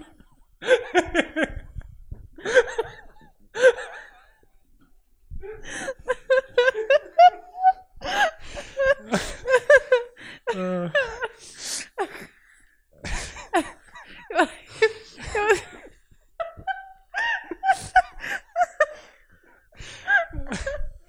ég var að tala um það bræður. Sko ok, Ketill er sem sagt núna giftur Ölmu, fer með hana til Íslands og þau fara öll til Íslands Ormar segir, herði, ég vil vera varanlega hérna á borg og taka við borg og Ketill náttúrulega fullið við því. Já, einmitt, af því byrjar að vera svona loksins- vondur við konuna sína Ölmu sem er dönsk bankastjóra frú. Já, sem að eitthvað- hefði allan tíman að geta bara farið. Já, já, já. eða þú veist, sko allavega. Já, svo veist, þau eru þarna nýgift og hún er bara eitthvað, oh my god, ég er að hitta fjölskyldinni fyrst skiptið, eitthvað, gett spennandi, allir eru mega fúlir af því að Brúna er náttúrulega ólétt inn í næsta herbyggi og hérna, þannig hún er eitthvað, ok, jæks, ekki góð stemming hérna, eitthvað, förum að Hof, sem er þeirra bær, Hof. Og leiðin á Hof þá eru þau að fara yfir einhverja svona strömþunga á á hestunum sínum. Já. og hún er eitthvað svona festist í miðri ánni og hann er einhvern veginn ekkert að Já. og hún er bara eitthvað, og það kemur sko því það er áhugavert með sko myndavélina sem er tekið að hún er eitthvað svona, örugglega svona old school myndavél sem er bara með svona loku. Já, þar sem að þú veist, þú lokar ljósopinu og þá kemur bara svona, svona pinhole effekt já, já. Að því við sjáum ógstlega oft að þá svona, er því svona loka til hálfs þannig þá færði bara svona pinhole á manneskuna Já, já. og það er svo finn, ég hló svo mikið í þessari senu að því hún eitthvað svona horfir best, næstu í bindi myndavélina og það kemur svona pinhole effekt og það bara svona heyrir hann að segja eitthvað svona I've made a huge mistake. Uh, hún alltaf hann að fattar bara eitthvað damn, Já, þessi maður er, er ég hefði kannski átt að get, hefði gett að giska á það með við tónlistan sem fyrir alltaf í gang þegar hann kemur í ramma. Okkur er alltaf svona tónlist? Við þurfum þetta í staðan fyrir svona red flags sem þú ætti að spotta á stefnumótum og svona. Það sé bara svona tónlist sem fylgir öllum. Já, bara, ó, þessi mannski er mjög óþægilegt er óþægilegt skor, tengdi sig. Erfitt þegar maður er svona fær svona túbu tónlist og svona eitthvað og hann var eitthvað, oh my god, ég er ekki að fara með þér í postlinsbúðuna félagi. Þessi hverju klaufi og, uh, Sko, önnur bókin alltaf hét hérna eitthvað eitthvað Den danske frú på hovet eða eitthvað líka. Já, nú er ég Nei, hérna. tímis aftur, já, eitthvað ungfrúin á hófinu eða hvað þetta er. Já, þannig að uh, maður myndi gera ráð fyrir að hún fjalli meira um þú veist, vanliðan hennar. Um, já því að hún verður bara eitthvað massa þunglind Já, hún verður uh, og mega skildi þunglynd. engan furða. Já, um, að því að hann er mjög leðilega við hana og hún, en sko málið það sem ég finnst svo skrítið er hún er með eitthvað svona bankastjóradóttir frá Danmörku og svo sérstaklega eftir að hérna, eftir að Ketill hverfur sem að gerist setna já, þá er, er ekkert að hún, er, hún á ekki batn með honum. Uh, hann er að halda til hans er döður uh, hún alltaf verður, hún verður sinnisveik þá, sko. Já, svona en getur hún ekki verið sinnisveik hjá föðu sinum í Danmörku? Já, þá þyrfti einhver sko sem ég hugsa það sem ég hugsa allan tíman er bara svona ef, þið geta fara til Danmörkur hvenær sem er, af hverju eru þið ekki öll í Danmörku? Þar sem er, þú veist golf úr fjölum. Já, bara truly, af hverju eru þið í stað sem er ekki með rennandi vatn? Já. Nákvæmlega, akkur að vera á Íslandi þegar ég meina hér erum við í Berlín við, og við, við, okkur, okkur langar að búa húsi með gólfi. fengið að hverju hotni próf sem segir þig hvort þú ert með spænsku veginn eða ekki. Einmitt nákvæmlega. Mjög gott. Uh, og þú þarft aldrei að hitta gammalt fólk frekar en þú vilt, ef þú vilt eins og er það vilt ekki drepa gammalt fólk það getur bara í að hitta það já, uh, en hérna uh, sko, já Rúna á sama tíma er miður sín af því að hún á von á batni Ketils Já. Ketil kom með aðra konu sem hann vondur við Mhm. og Ormar er mættur og hún getur ekki einu sinni eh, fellt hugið saman við hann af því að hún á Einmitt. von á batni Æ, hún, bróður já, mitt, hún, hef, hún hefur verið að þörsta í ormar sko. Já. þannig að hún mæti bara aftur á sama foss og ætlar að henda sér fram Erðu, og hver er mættur aftur bjargvætturinn serendipitously á þennan sama foss Já. og stoppar hana Ormar mætir og er bara, herðu, við verðum að gifta okkur, það er ekki um annað að ræða segir er, hann. ok, annarkvort A er hann alltaf að hanga hjá þessum fossi Já. eða B, fólk er alltaf að henda sér fram á þessum fossi Já, já, eða þú veist, þetta er svona fossin sem fyrir á til að reyna að fá aðtekli, sko. Þetta er Ég hefði samt smá haldið- eins og posta á social media eitthvað svona eitthvað, þú veist, eitthvað svona kryptísk, svona Eitthvað eitthvað, svona, ó, best að tjekka á þessari mannesku. já, kannski, en slæmum mál stað. er samt sko að það er annar staður í sveitinni sem er frægur fyrir sjálfsmorð sem er hérna einmitt, sem, sem eru hérna Algjörð Lion King dæmi. Mm, Já, eða sem eitthvað svona, þau eru öll að fara í kirkju, Já, ég held í fyrstu messur hans Ketils eða eitthvað og svona sem þau eru að lappin í kirkjuna þá snúa þessu við og horfa okkur bjarg og Ketil er eitthvað svona, já þarna hendi eitt maður sér fram af, þetta er skuggabjarg. Set up, payoff. allavega fyrir minni kirkjuna. Og maður bara, já, Tjekovs bjarg let's go. Bjarg Tjekovs. Um, en já, Rúna er miður sín, hún segist hann, er eitthvað svona ég veit að þú vilt ekki gift, giftast mér að þú elskar ketil, hún er eitthvað nei, ég hata ketil. Mm. og ákvörðunin er að uh, þau uh, hipi sig til útlanda. Þau fara bara til Ítalju Já, bara sóla sig á Ítalíu. Bara af hverju, þú veist, ef þetta er í myndinni fyrir þetta fólk why, þú veist Hvernig- ég skildi ekki. veist það, já, það er frostavetur búin að gangi yfir. Það er spænska veikin, ég meina eru þau þau eru ekki bólsett en þannig mega þau fara til Ítalíu? Nákvæmlega, er þau með uh, vaksínpassport bara með ormar. Uh, en þau fara til Ítalíu uh, til þess að bara vera nógu lengi til þess að geta gefið til kynna að barnið hafi get, ja, hafi fæðst þar og um, og sem sagt það sé þeirra barn. einmitt. en uh, á meðan er Ketil sem sagt að messa í fyrsta sinn. Eins og þú segir fyrst bendir á skuggabjarg og segir eitthvað þarna drap einhver sig. Hann reynir strángur og siðvandur prestur. Örlegur uh, fadur hans mjög óanöðu með hann. Að því hann er bara eitthvað, hei, það er þú sem ert ófétið. Já, hann, hann er sko held ég að pappi manns hati mann svona mikið. Að, já, og hefur alltaf gert þú veist, Já, mér finnst einmitt. setni hluti þú veist hvernig þetta er sett sko, ef við upp ætlum, ef við ætlum, ef við ætlum að tækla sem, lesa þessa mynd út frá okkur svona þú veist, svona sósíalrealismu siðferði, að þá náttúrulega eh, skildi yngan furða að Já. þessi maður sé svona vondur eins og hann er þegar það er búið að koma svona fram við hann alla hans æði Einmitt. og það hefði verið hérna um, held ég betra ef ef við hefðum ekki fengið á tilfinninguna að allir væri svona vondir við ketil hmm, að þetta væri svona meira törn hjá örlig að hann bara eitthvað, ok, ég er búin að stiða svona minn til náms einmitt, og svo er hann prestur og svo er hann bara, heyrðu, þið eru öll syngarar þeir eru bara yðrast og bara þeir að klaga náungan basically og, og hann er, hann er þú veist þetta er alveg svona cancel culture þetta er alveg svona, að því ég var að tala um Mark Fisher þetta er það sem við kallum vampírukastalan. Hann er bara, bara það þurfa allir að vera bara á tánum hérna,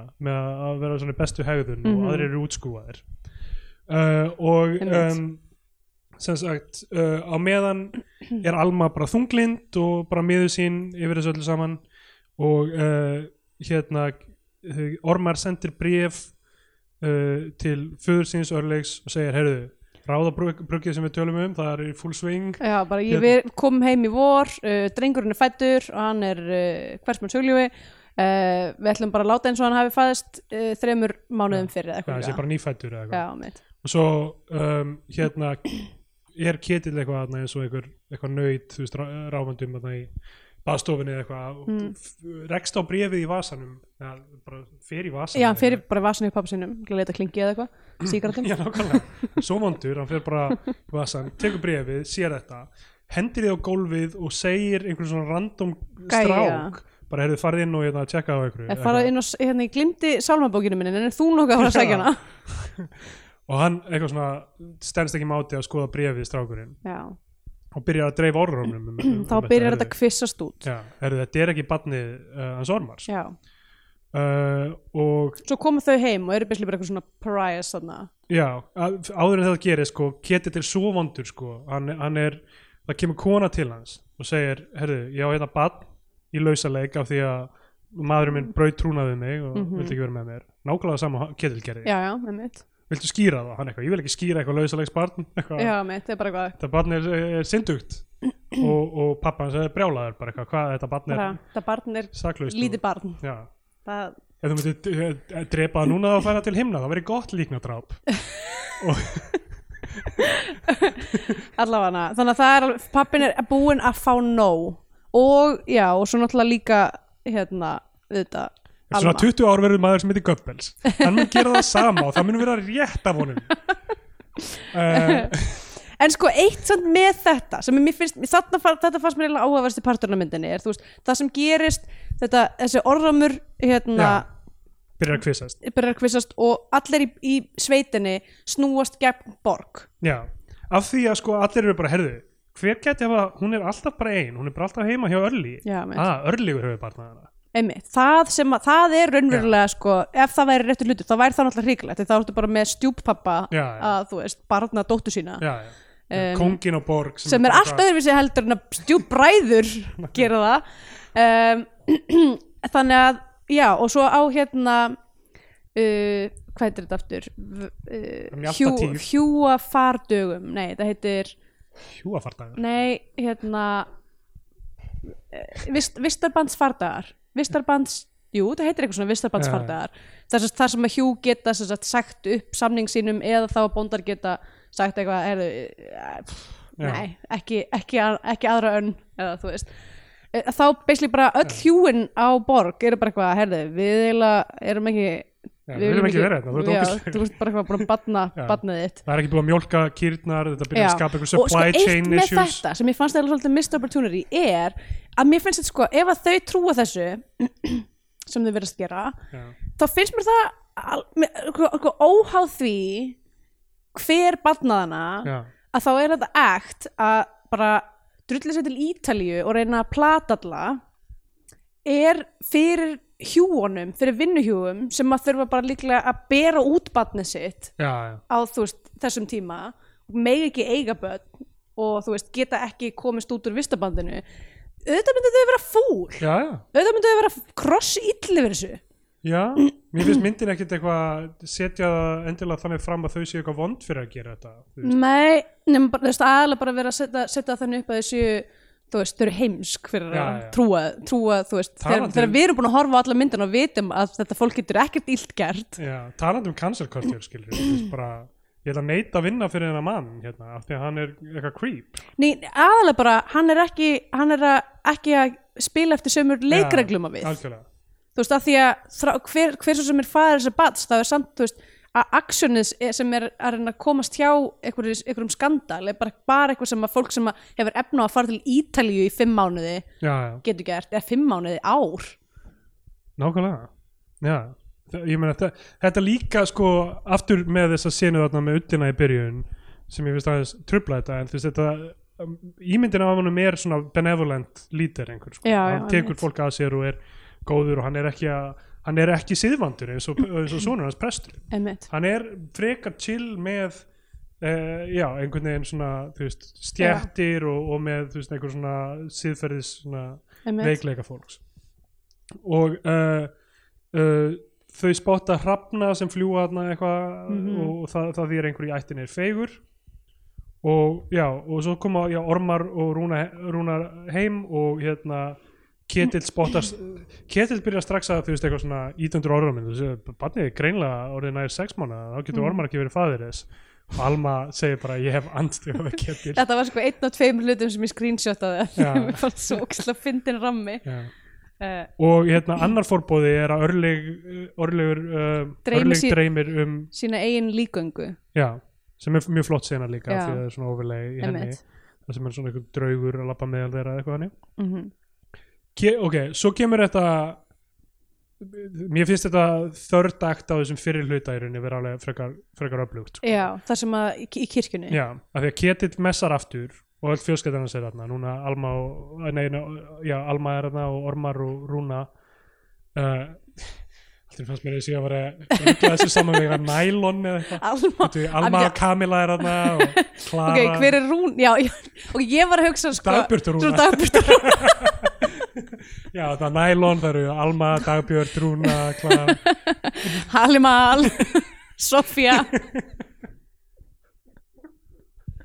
uh, Hvenar verður eitthvað uppgjör á því máli? Ég er þá að býða fá einhvern snúning á því frá einhverjum sem endur skoðar íslensk, íslenska þjóð í samingi við það mál. Um, Sko uh, Já, þetta er svona Ok, uh, ég, ætla, já, ég ætla ekki að segja meira um það. Og við fyrir ekki, ætlar ekki að fara núna að gera eitthvað svona, eitthvað svona deep deep cut og Dagbjört Rúnum og Halimal málið er ekki komið tímið til þess að þetta hlaðvar fari í saumanna á Nákvæmlega. Halimal málinu Tökum afstöðu með Halima Hérna Sko, já, en þú veist náttúrulega hann mætti náttúrulega rosalega miklu svona þú veist, fordómum bara Já, já. alveg óháði hvað hva var rétt ránt í því, það var mjög mikið að því málað upp á mjög, mjög ógeðfeldan hát sko. rétt. En hérna, bör, hvað heitir hún, Börnin heim eða eitthvað, þetta myndin sem við höfum hvergi fundið það er eina af þessum fáum mynd, baráttunum börnin. Bara þannig bönn, en það er samt heimildamönd ekki svo nei, hún er, Baltasar Kormákur leikur hann. Ha? Já, Baltasar Kormákur leikur Halima ha? já, hei, ég held það sko. Oh Ég ætla að segja því að Baltasar er, þú veist, hálf spænskur eða eitthvað, það er með smá eitthvað svona miðjarhafsblæ. oh boy, svo mikið slim pickins og Íslandi í leikurum sko. Já, þetta er hund, hann leikur 100% Halimal, sko. Og hann er uh, greinlegt á stillunum sem er inn á kvikmyndavefnum úr þessari mynd, að hann er bad dude, sko. ok, Mér úf, langar að sjá þessa mynd, ég veit ekki hvernig maður nálgast það. ok Uh, og uh, já, uh, hérna óþá þessu öllu þá, þá sem sagt er þessi messa og Ketill er bara calling, hann er bara ég hérna uh, ég er trúamaður og ég þú veist vil að fólk gerir hreint fyrir dyrum með syndi sína þannig ég verð að adressa hérna uh, bara, þetta fólk hérna er sem eru getur, ég syndgara. get ekki haldið áfram svona messu þá til að þetta fólk. Fadir minn og sonur minn ég vil bara þeir fari út af því að þeir eru ógeðslegir. Mm. og hérna og þetta er svo lélegt plott í rauninni samt hjá Katli sko. Af því að hann sko, treystir það, á virðist, mikið virðist sem að hann hafi ekki hugmynd um að hann hafi barnað rúnu. Wow, af því að en- hann alltaf fyrir bara í eitthvað áfall þegar þetta gerist. Já, ég held að það veri meira af því að hann hefði sko áfallið að vera bara þurfa að horfast í augu við uh, hræsni sína. Er að þú veist, hann, hann semst að segir herðu, út með það af því að við vitum að þeir eru ógeðslegir og þeir eru að perast með þessa rúnu og, og, hérna eignast batn og síðan hilma yfir og eitthvað svona, þeir eru Mm. ógeðslegir. Þá stendur bara örlegur upp og segir bara herðu, eru actually það er þú sem er fæðurinn bitch. Bara Sleppir mæk, mæk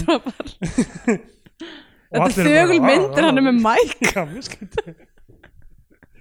Með svona breytni mæk tekur hann að sér á hendunum. Uh, og hérna gett lengi að svona ná snúrinu Já. upp úr skýrtunum taka hérna pakkið ba batterið buksnastrengnum einhvern veginn batteri Gísla lengi að labba á setti. En svo já, kemur einhver svona soundmannskja hleypur eftir. Mér, var eitthvað fyndið tweet einhvern tímann frá Richard Ayoade sem er eitthvað fólki finnst þú svona badass að, að svona sleppa mækum og láta það detta í jörðina en, en mækar eru mjög höggþólnir. Það væri miklu meira ba badass að leggja það í vatni þannig að þeir setja það í vatn þannig svona það- corrosive. Setja það svona ofan í vasklassu láta það liggja þeir í góða stund. Um, sko, uh, já, en hérna já, hann, hann segir bara, já, herðu, actually, þú ketill er fæðirinn og þannig að það verður mikið hafar í þarna mm og ketill, uh, textin segir eru, ketill hjælt aldrei að pappi hans myndi segja þetta, þannig að ég held að ketill Já, eigi já. að vita þetta af því að, hann, ok, ok. af því að textin segir bara, hann, hann trúði bara aldrei að pappi sinn myndi segja svona hlut já, hann, hann hefur svo mikil trú á hvað pappi hans er góður og rétt já, og bara Þú veist svona að blóð sé þykara heldur en já, uh, þrátt fyrir hann sé að svíka pappa sinn svona mikið. Einmitt. Og bara gera hann að, að því að hann heldur líklega með því að gera þá uh, smána þá svona rosalega þá muni hann fá borg Já, einmitt. Hann, er, hann, hann, hérna, útspilað hans er bara eitthvað, þeir eru búin að tapa allum hjúanum ykkar þeir geta ekki séð um bæinn. Bara eitthvað, það hati ykkur allir hérna núna kem ég inn og bretta málunum. Nema það náttúrulega gerist ekki af því að það snúast það ekki að ket, kalli, kalli. Og hérna uh, og eins og, já, eins og hún sagði hún hefur óbeitt á hennum konan hans. Uh, hún missir vitið og er bara sinnulaus. Já. Uh, sin, sinnislaus. Sinnislu uh, og sin, þau sinni sjúk sinni sjúk, já. Og þau öll bara eitthvað, allir fara út af kirkjunni skilja hann bara eftir þarna. Já, en fyrst segir sko örlegur við hann ég er ekki reyður ég er vonsvíkin já, en það mun hvíla bölvun á þér það til þú yðrast yfir segir hann. Já, ef þú getur ekki almennlega yðrast hérna, prestur sem er alltaf fordæma alla aðra þá verður bölvun á þér og svo lappar hann uh, reynir hann uh, að lappa af staðin þú veist bara Heyrðu, já. hann steindauður gamli kall nummer tvö í myndinni sem deyr út af bara hann Sjokki. fær bara slag fyrir hjarta. Kongurinn er steindauður hann já, og Ketill stau, staulast hann á endanum út úr kirkjunu og býður Guð að fyrirgefa sér og já og, Og það, kemur, það kemur hitt, hitt sem ég hérna tók mynd af. Gott sko. hann hafði forsmáð lífið með því að fara gálauslega með gjafir þess. Og nú var hann einstæðingur enginn vildi kannast við hann, ekki einu sinni hundurinn. Og það var svona gett löng sena það sem er eitthvað svona hundur sem svona horfur á hann og svona lappar í burtu, snýr sér við horfur aftur á hann, lappar aftur lengra í burtu. Þetta var svo góð sena. Já, hundurinn mitt ekki einu sinni. Þessi hundur var bara Dýrin eiga að leik skilja. sigur þarna. Þannig að hérna hann skrifar sitt bara uh, uh, sína erðaskrá, segir bara ég vil að fátækir erfi allt Já. fátækir í sveitinni erfi allt eftir mig og fer síðan upp á klettin og allt fólk, fólki sér hann upp á Já. þessum skuggabjargi þar sem hann gæti drefið, fólk spottar hann en svo sjáum við hann klöngrast af honum líka. Já, en það, fólki sér það ekki. Fólki Fólki, fólki sér bara eitthvað, að hann er hann upp á klettinum hann er örgulega að fara fram í sjálfsmóra, Já. við skulum ekki stöða hann. En þetta er alltaf fyndið sem, sem cliffhanger það er náttúrulega ekki komið beint á þessum tíma.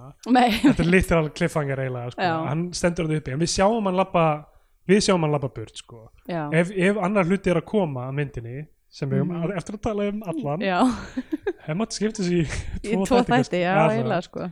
Það er ekki mikið sem gerist í sér hluta. Þar, hérna, þá hefðu verið náttúrulega bara að sjá hann og síðan bara hvað verður um hann, mun að stökkva. Einmitt, en svo bara, herru, fyrir hluta lokið intermission, síður hluti byrja nú eru tveir tímar. Nú, Þetta eru, já, tveir tímar af þessu.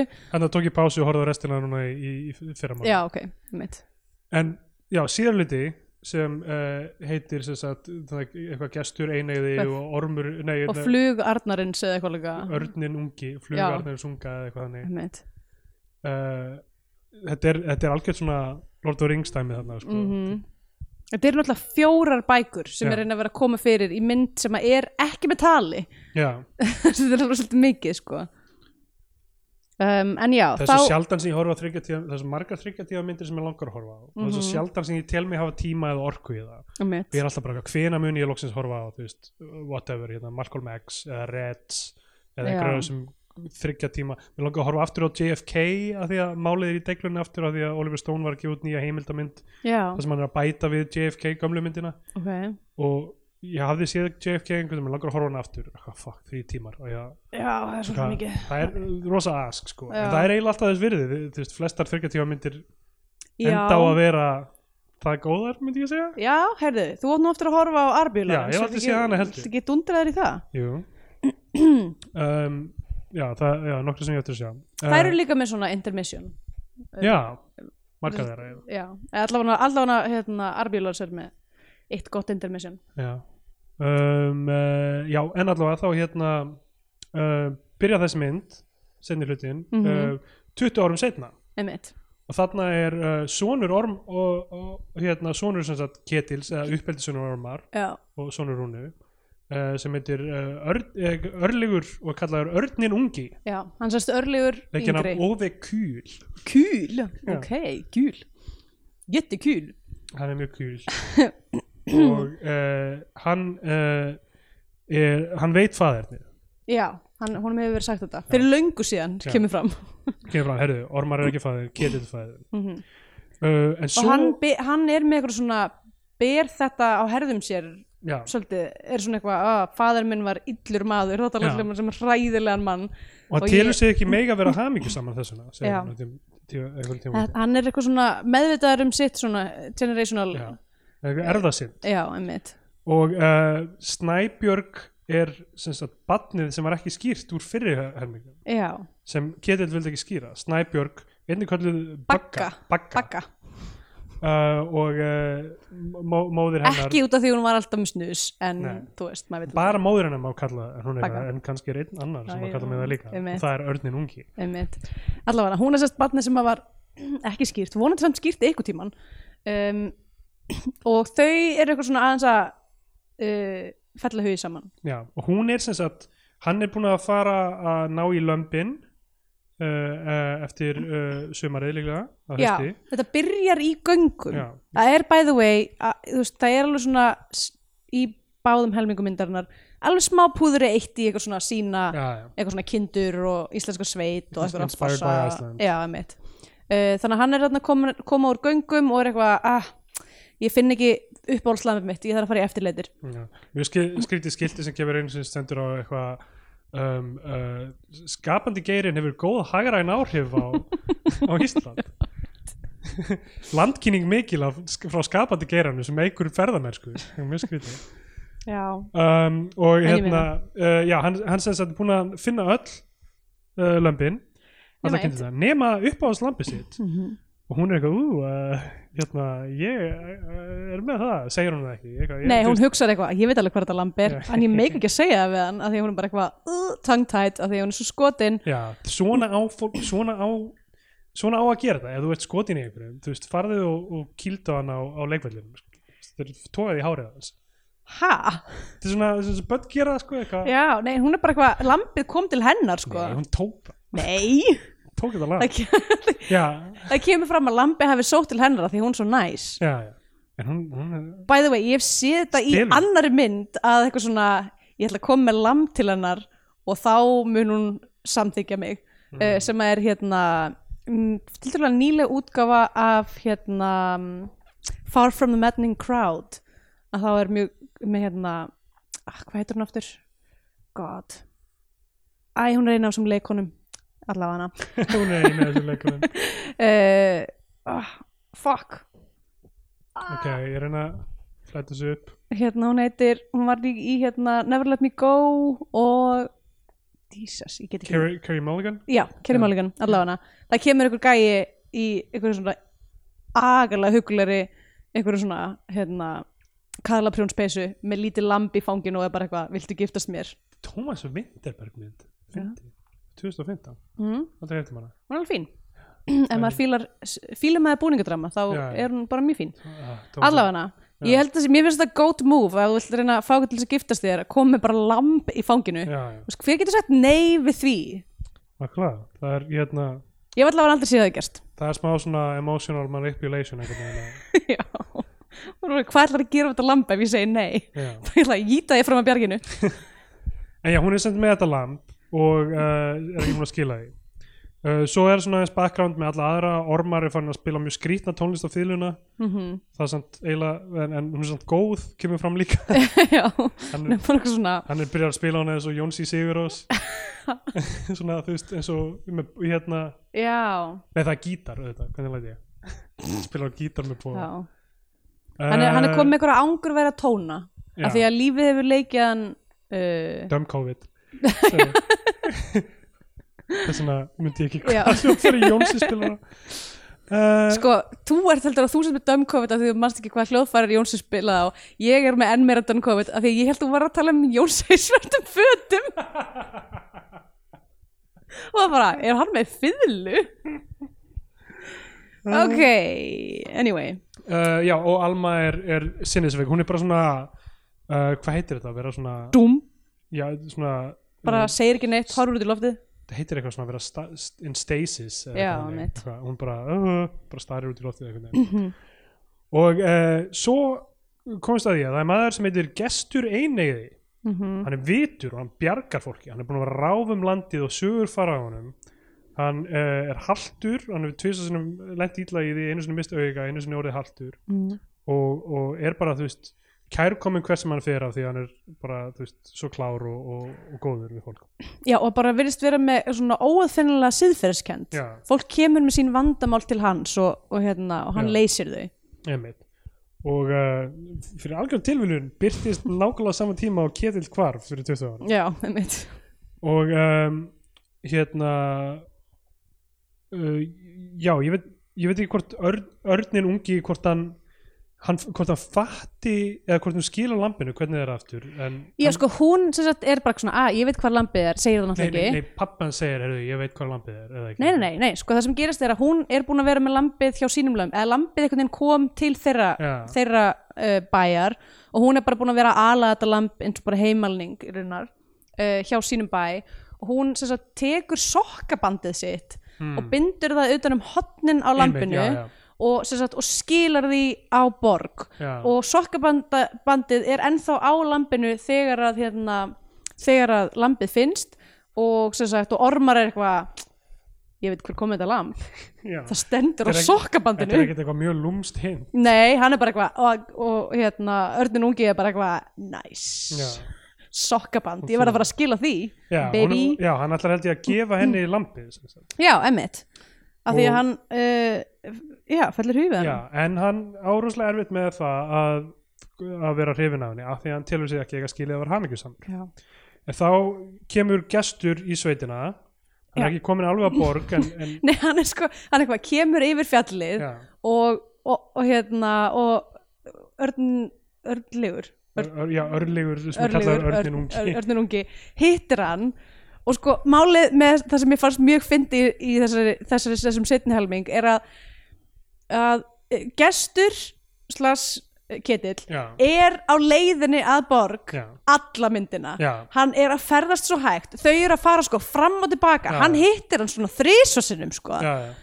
En hann er bara að taka þessi sweet jam time að komast því hann þarna er yfir. alltaf haldur og, og örnin gefur honum nýja skó og og uh, hann er alltaf að gera dítúra líka. Fyrst ætlar hann að fara einmitt. uh, að byggast afsökunar og hafa ekki skýrt barnið og Já. svo fer hann að leiði föður sín svo eitthvað. Fyrst hittir hann sem sagt þessi, eh, þú veist, þetta er bara ef ykkur fannst hérna innkoma Ómar Serifi í Lons of Arabia vera löng það þetta er, þetta er Ég- next level. ég get ekki vita það.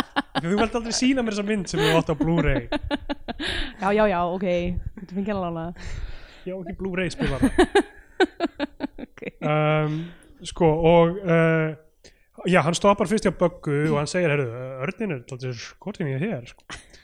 Og uh, um, og svo hérna móðir hennar segist hata ketil. Já, hún er eitthvað Fyrir svona ég, framan. ég, ég unni öllum manneskjum í heiminum nema einum. Já, hann er eitthvað, oh fuck, þetta er konan sem ég neita að skýra barni fyrir.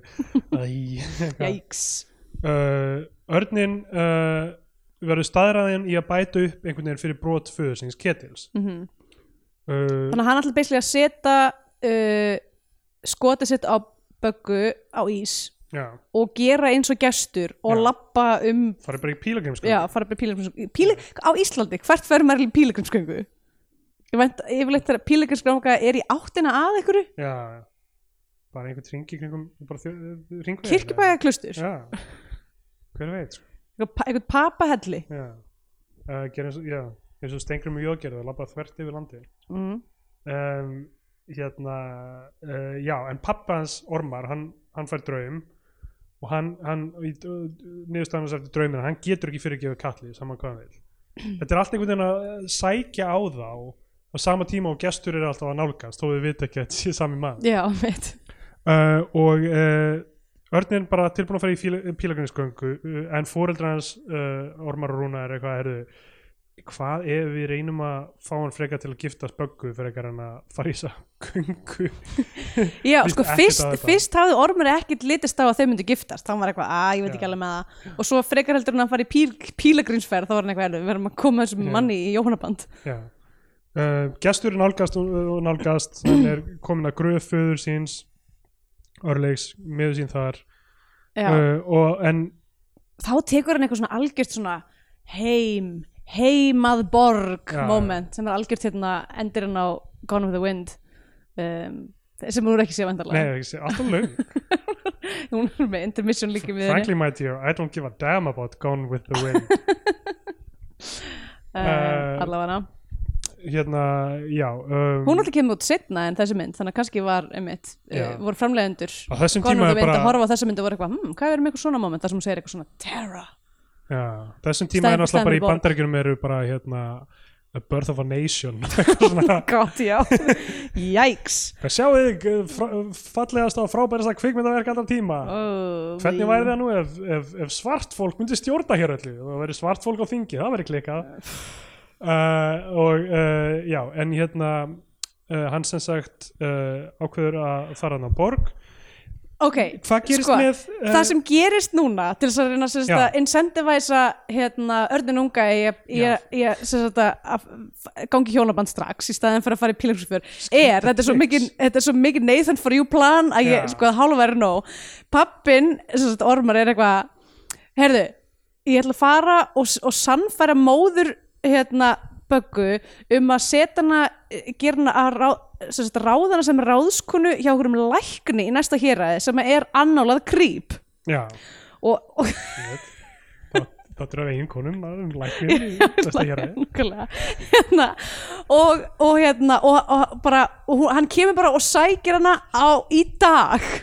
Það er stakes og, og það sem ég skil ekki að því síðan er hún, hún er bara svona eitthvað, ó, mér langar ekki að fara í, mér langar ekki að vera ráðskurinn hjá sem Ormar lækni sem er að ég eitthvað. að gera það Já, já, já, já, ég verð vist að gera það eitthvað, hann vill mér vel og þess vegna er hann að láta mig fara, í, fara að búa hjá okkur um gæja sem að er Ljótar sögur um hann já, fara að ljóta sögur um hennar mann Já. allavega, læknirinn kemur og er bara eitthvað, herru, já, já, nú ert þú ráðskona mín Let's go. let's go og, og, sagt, og strax, og Örðurungi kemst að þessu veitir hann þeim bara eftirför Já. eins og það sé fara að gerast það að hann sé að fara, læknirinn sé að fara, að fara að mæta með hindi sín og bara strax nöðgani, bara Já. á hlaðinu af því að þetta er, þetta er svo mikilvægt að hann er bara eitthvað, þú veist, það liggur við sko að meir en bara eitthvað svona kiknar undan honum þegar hann mætir sko, allavega. Gæti gæst á leiðinni. Jú, jú, fólk svo, fer í göngutúr og hestaferðir og eitthvað til að gera þessu hluti. Uh, svo sem. og það hérna var með þess að í einhverju mynd sem við horfum á. Ég hatta patta en þá er það consensual eða ekki? Já, nei, eitthvað ég er að hugsa um, ég er að hugsa um uh, Juniper Tree. Já, það er rétt. Uh, En uh, já, hann bara eitthvað tekur hann á og bara snýr við eitthvað, tekur hestin hennar og, og þau farið tilbaka og bændanlega giftast. Já, og uh, já, til þess að komast á eftir þeim þá þarf hann fyrstur manna að ríða yfir borgarfjall sem enginn hefur gert áður í sögunni af því að það eru verfið já, og hann gerir það. einmitt. Það er allir svo frábærir í þessari ætt, þessari einmitt, meira svo að Ketill er að fara að eiga sitt hérna uh, moment. Og uh, hérna um, þegar gestur mætir Bagga er komin tilbaka með, með ormari, gestur mætir. Alma uh, sem er búið að setja upp þó hún sé sinnisveik mm. þá er hún góð við alla sem eru góðir og vond við alla sem eru vondir. Og þegar gestur kemur þá byrjar hún að strjúka honum. Og, og hún þekkir hann strax, hún er bara eitthvað þú ert einmaður minn. Já, og ormar er eitthvað, herðu, þetta Heyrðu, bróðir." við erum aldrei búin að nefna hérna, skygnukonuna nei, af því að hún er sérst alltaf að hanga núna með, Já, já. með ölmu og tala fyrir ennar hönd uh, en hún hefði verið held ég uh, hún hefði verið hjú á hofi og var sérst strax Já. fyrsta daginn sem Alma kemur á hofi er hún eitthvað ég sé framtíðina. Og Alma er eitthvað "Ó, ok. Not good. Já, ég svo ert ekki brosandi. Jæks uh, og uh, já, Ormar fattar þetta líka þeir faðmast og, og hann fyrirgefur hann segist fyrirgefa kalli þau fyrirgefa honum öll og Já. svo bara deyr hann. Svo bara deyr hann, Já, svo hann, deyr er bara, hann. er búin að fá sína aflaust flott hérna, skot af þú veist andlituna sem sem svona feitar yfir í andliti á kalli já, vonda prestinum einmitt, síðan og maður er eitthvað ah, aaa ég var ekki búin að fatta þetta. Nei, einmitt. og uh, allir fyrirgefa öllum hann deyr Alma svona rí, rís upp einhvern veginn eins og hún sé allt í henni búin að fá orðin hress aftur Já. og deyr strax. Og svo deyr hún já, Já. liggur við hliðin á honum. Já, Örnin og, og, og Snæbjörg eitthvað svona eru saman og Já. verða saman og svo er síðast skotið bara af uh, Katli og konuna saman í rúmi. Já um, einmitt. Og þá, já, er þetta bara og sem fyrirgefið allt gott. Já, búið. engin vondur lengur. Já, við vorum Flott. fljóta spæni gegnum innan setni hluta já, gerðist ekkert svo mikið gerist í ekki honum. mikið í honum. Scandinavian Pain Index. Já, sko. Náttúrulega opnum myndina á, á attempted murder suicide. Sem er alveg svona par for the course, eitthvað svona það er alveg nokkrar sjálfsmórtilurinnir í þessari mynd. Já, um, og svo er náttúrulega já um, þessi lindamál fortíðar Mm. eru svolítið stórt stef. Einhvers konar kynferðislega misbeiting einhvers konar einmitt nákvæmlega nauðgun og hérna og skygna konan. Já. er, og, og það er líka þú veist alveg svona slatt af eitthvað svona fyrirbóðum og berðreimni og eitthvað svo Já, leiðis uh, svo er þetta náttúrulega bara þetta, þetta er bara fjölskyldudrama through and through, fjölskyldudrama hérna óðalsættarinnar í, í, í, þorpinu sem er bara klassíst og svo líka þú veist þessi ægifegul náttúrunar, tónlistin eitthvað svona á að draga fram íslenska náttúru og algjörst eitthvað svona marketing dæmi fyrir, fyrir Ísland sem, sem destination. Og svo náttúrulega gæti maður að tala um gest sem road stranger. Já, uh, nema náttúrulega road stranger eru yfirleitt ekki þeir eru yfirleitt, þeir kom Nei. bara, þeir kom bara að fara. Þeir eru ekki þunga miðan í mynd. Já, þannig að kannski ekki en allavega. Ég myndi segja og svo náttúrulega er líka bara mjög þú veist, undirtótin hérna er, er stjættaskipting og þú veist já. ríka fólkið og fátæka fólk hjúinn og, og svona stigsmunum þar á og svona. Þannig að ég, mér finnst þetta bara svona þú veist, fyrir elstu mynd sem við hefum fjallað um þá er, klikkar hún í tekur hún í alveg frekar mörg box myndi ég segja. Já, heldur betur sko. um, þannig að ég ætla að gefa henni ætla uh, 17 af 21 sokkabandi á heimalning. Já, um, uh, já, ætli ég gefa ekki bara uh, einn af tveimur uh, mönnum sem deyja skyndilega af því að bregður svo mikið. Já, uh, Það komum tíma út í það sem gefa myndina Kossess á flagskip íslenska kvikmynda frá íslenska fánan. Eða við mælum frekar með að hlustundur horfum okkur á bandarinska Hollywood-dellu og farum bandarinska bjánan Hvort finnst þér vera meiri íslensku döðdagi að gangi sjóin eða henda sér fram á fossi? Það er góða punktur, báðið mjög sterkir sko. Endilega heyrði í okkur hlustundur Já. hva, hva, hvort ykkur finnst vera? Tvíti bara til okkur eða skrifið á Facebook veginn okkar, það gerir það aldrei neitt ykkur. Eða kommentið við þáttinn bara gangið í sjóin eða hendið ykkur fram að fossi, algjörlega án samhengis. Já, mitt þannig að, svona, þannig að líti út fyrir að ykkur sem mjög illa við okkur. Að allir hlustundur okkar vilja helst að drepum okkur. Ég hlæst að komi frétt á DFF sem er bara hérna, hlustendur Bíotví og snúast gegn þeim. snúast gegn þeim engi veit af hverju. Sjá, komst að þessu öllu saman í næsta þátt af ein konur. Þau sagðu bara líknadráp væri bara gott og ég meina er það samt ekki bara það sem að þú veist að bera börn út? Er það ekki bara. Líknadráp raunverulega sko. í vistabandin, í vistabandskerfinu fá sjó sko já, já allavega, vilt þú byrja? Já, já, uh, sko ég held að ef ég hefði verið að horfa hana í bíósal þá hefði ég lifað með aðeins meira inn í hana það er Mm. pínu erfitt að horfa á þryggja klukkutíma þöglamynd Mhm. og þú veist, ekki tjekka síman sinna öðru hverju og eitthvað, sérstaklega þegar ég er að skrifa notes í hann og eitthvað. Uh, en sko, ég, veist, verð að segja á þessa mynd, þrátt fyrir alla, þú veist, gallað sem við farið yfir varandi, þú veist, einhvern veginn svona plotting í henni og, og Pacing. já, já, pacing og eitthvað þú veist, náttúrulega, þú veist, þá er hún, hún er rosalega falleg og þessi endurgerð hérna, Velgerð, já flott uh, restoration, hvað, hvað sem maður segir mm um, og tónlistin náttúrulega þessi nýja mjög flott -hmm. og leikurinn þú veist, ég meina þau náttúrulega bara að leika með andliturum og stara í myndavélana stundum og, og þú veist bara flott þú veist, lítur vel út og þetta er náttúrulega bara eitthvað svona stórvirki fyrir sinn tíma. Algjörlega. Og mér finnst einhvern veginn þó ég myndi ekkert að horfa hana aftur þá veist, myndi ég segja veist, að hún ætti heima á, á flagskipinu. Ok, hún er ekki einhvern veginn þú veist, hún er ekki hún er ekki það ómögulega að ég myndi vera eitthvað heyrðu, þetta, hérna, þetta er ofmetið eða eitthvað þannig Mm. veist, því að það er mjög, mér finnst mjög, áhugavert allt þetta dæmi sem er í gangi um miðbyggið og um og það sem hún er að segja um trúabröð á þessum tíma sem er Mm. mjög stórt sko já, já og sem hann er að segja um mikilvægi kærleikans í kristni umfram einhverja siðvöndun sem Já. er veist, áhugavert og stert fyrir þennan tíma og að handhafar kristnivaldsins séu ekkit endilega þeir sem eru, já já um, hérna, þannig að það er allt, allt mjög áhugavert og, og náttúrulega lætur mann fá samúð með hvern personunum þó það hafi ekki mikið agency í þessu uh, en uh, já þú veist ég myndi segja þú veist aðrar Gone with the Wind til dæmis sem ég aldrei horta á en þú veist fólk sem að, þú veist, það sem ég hef lesið um hann er að þú veist hún sé ekkert eitthvað þú veist hún sé það viðbjóðslega eða þú veist þetta rasisma og einhverju svona dóti já, að það sé þú veist að maður sé eitthvað það þarf þú veist það þarf þú mátt alveg láta hann vera þú veist, þess sko. já, ég veit ekki ég er svona ég meina þá er alveg ekkert sérstaklega marga myndir í bandaríkjunum sem er gerðar þú veist, fyr, fyrir 1970 eða eitthvað Já, njá, ég myndi ekki bara- alveg segja það sko, en þú veist, ég meina bara á þessum sama tíma eru Charlie Chaplin og Buster Keaton og eitthvað svona að gera Já, alls já. konar dót sem er bara, bara mjög progressíft sko, og mjög, hérna, mm, alltaf Chaplin myndir alltaf mjög mikið um bara lægri stjættirnar og, og þú veist um, að hann, þú veist, hann versus lögregla hann versus stórsfyrirtæki, alls konar eitthvað svona hann versus yfirmaður sinn eitthvað, Já. eitthvað, eitthvað svona dót, veist, að veist, það, það, þetta er alveg í gangi og þetta er alveg í gangi í, í hérna, bókmæntum þessa tíma líka en hérna já, ég meina, er, ég- samt, er samt þessi saga ekki bara eitthvað saga ríka fólksins sem getur ekki gert neitt ránt Uh, jú, algjörlega, hún er það sko, það sem ég er að segja, þessi er uh, mjög gö- gölluð að því leiti til en ég myndi Mm. ekki segja hún sé hérna uh, mér finnst hún ekkert viðbjóðslega sko, mér finnst hún ekki nei,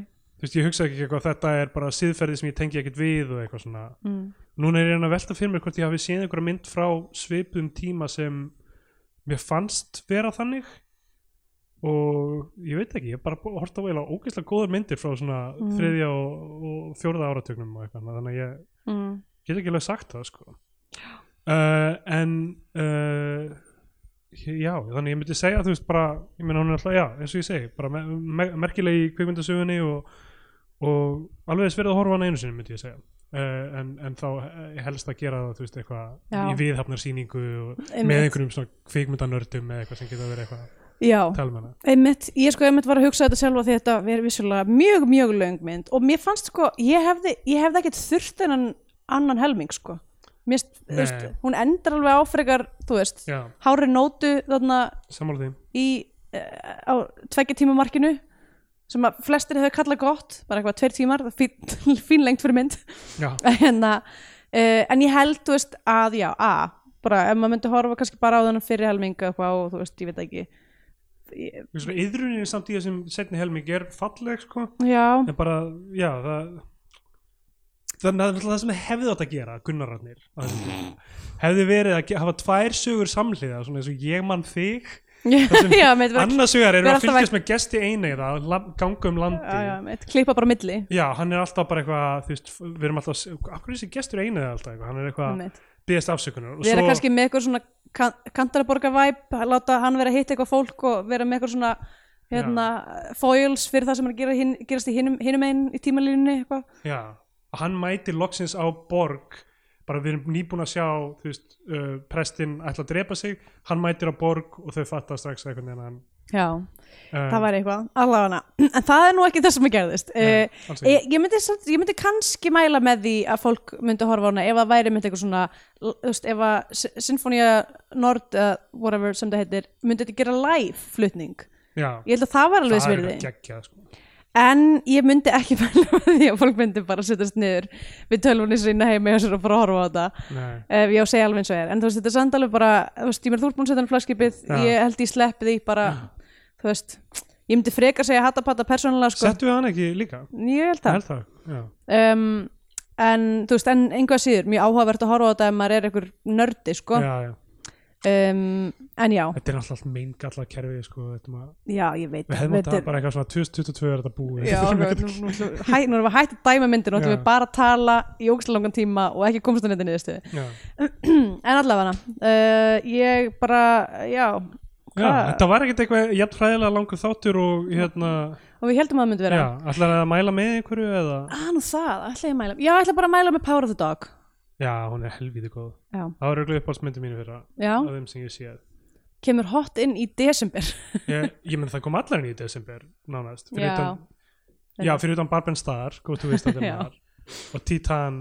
Já, við ættum eiginlega að hafa einhvern tíman við, við erum að fara að tala um einhverja mynd sem við höldum að þur- taka ekki allan þáttinn þá ættum við að hafa einhverja svona yfirferð um, um Eftir- eftir- já, en þú veist, ég meina Licorice Pizza og The Card Counter og eitthvað svona kom ekki til Berlínar fyrir en eitthvað Mars eða já, eitthvað. já, einmitt nákvæmlega, og hérna, en ég fór á West Side Story og hún er líka frábær, ok.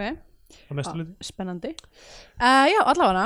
Uh, já, ég meina held að stóra spurningin fyrir þetta ár sé, þú veist og allir eru að velta þessu fyrir, fyrir sér sko, mun, mun, munu þú og veiran ná, taka aftur saman? Þið verðið bara að hlusta á næsta þátt til þess að komast að því. verður þetta eitthvað bennifer dæmi það sem eru myndir sem ég myndi- þér og veirunni. Þú er svona káf á rass þú er svona liggur á svona skipi með veirunni. Og svo er mynd af mér 1920 með spænsku veikinni alveg eins.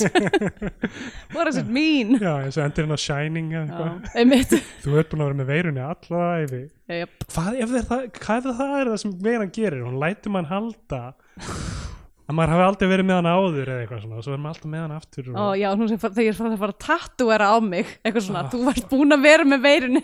Já, nákvæmlega, það er eitthvað svona memento dæmi. Alla, farið valið hann úti krakkar. Já, gangi um veiran golf fyrir uh, sótólf og uh, veiran er víða og uh, við hérna með okkar horseshoe theory segjum hún að búin til á tilhjónastofu og er glæpur uh, uh, ég ætla ekki að segja hvaða þjóðar en það er ekki svo sem þið haldið. Sem ég, ég held að hafi gert hana. Ok, bye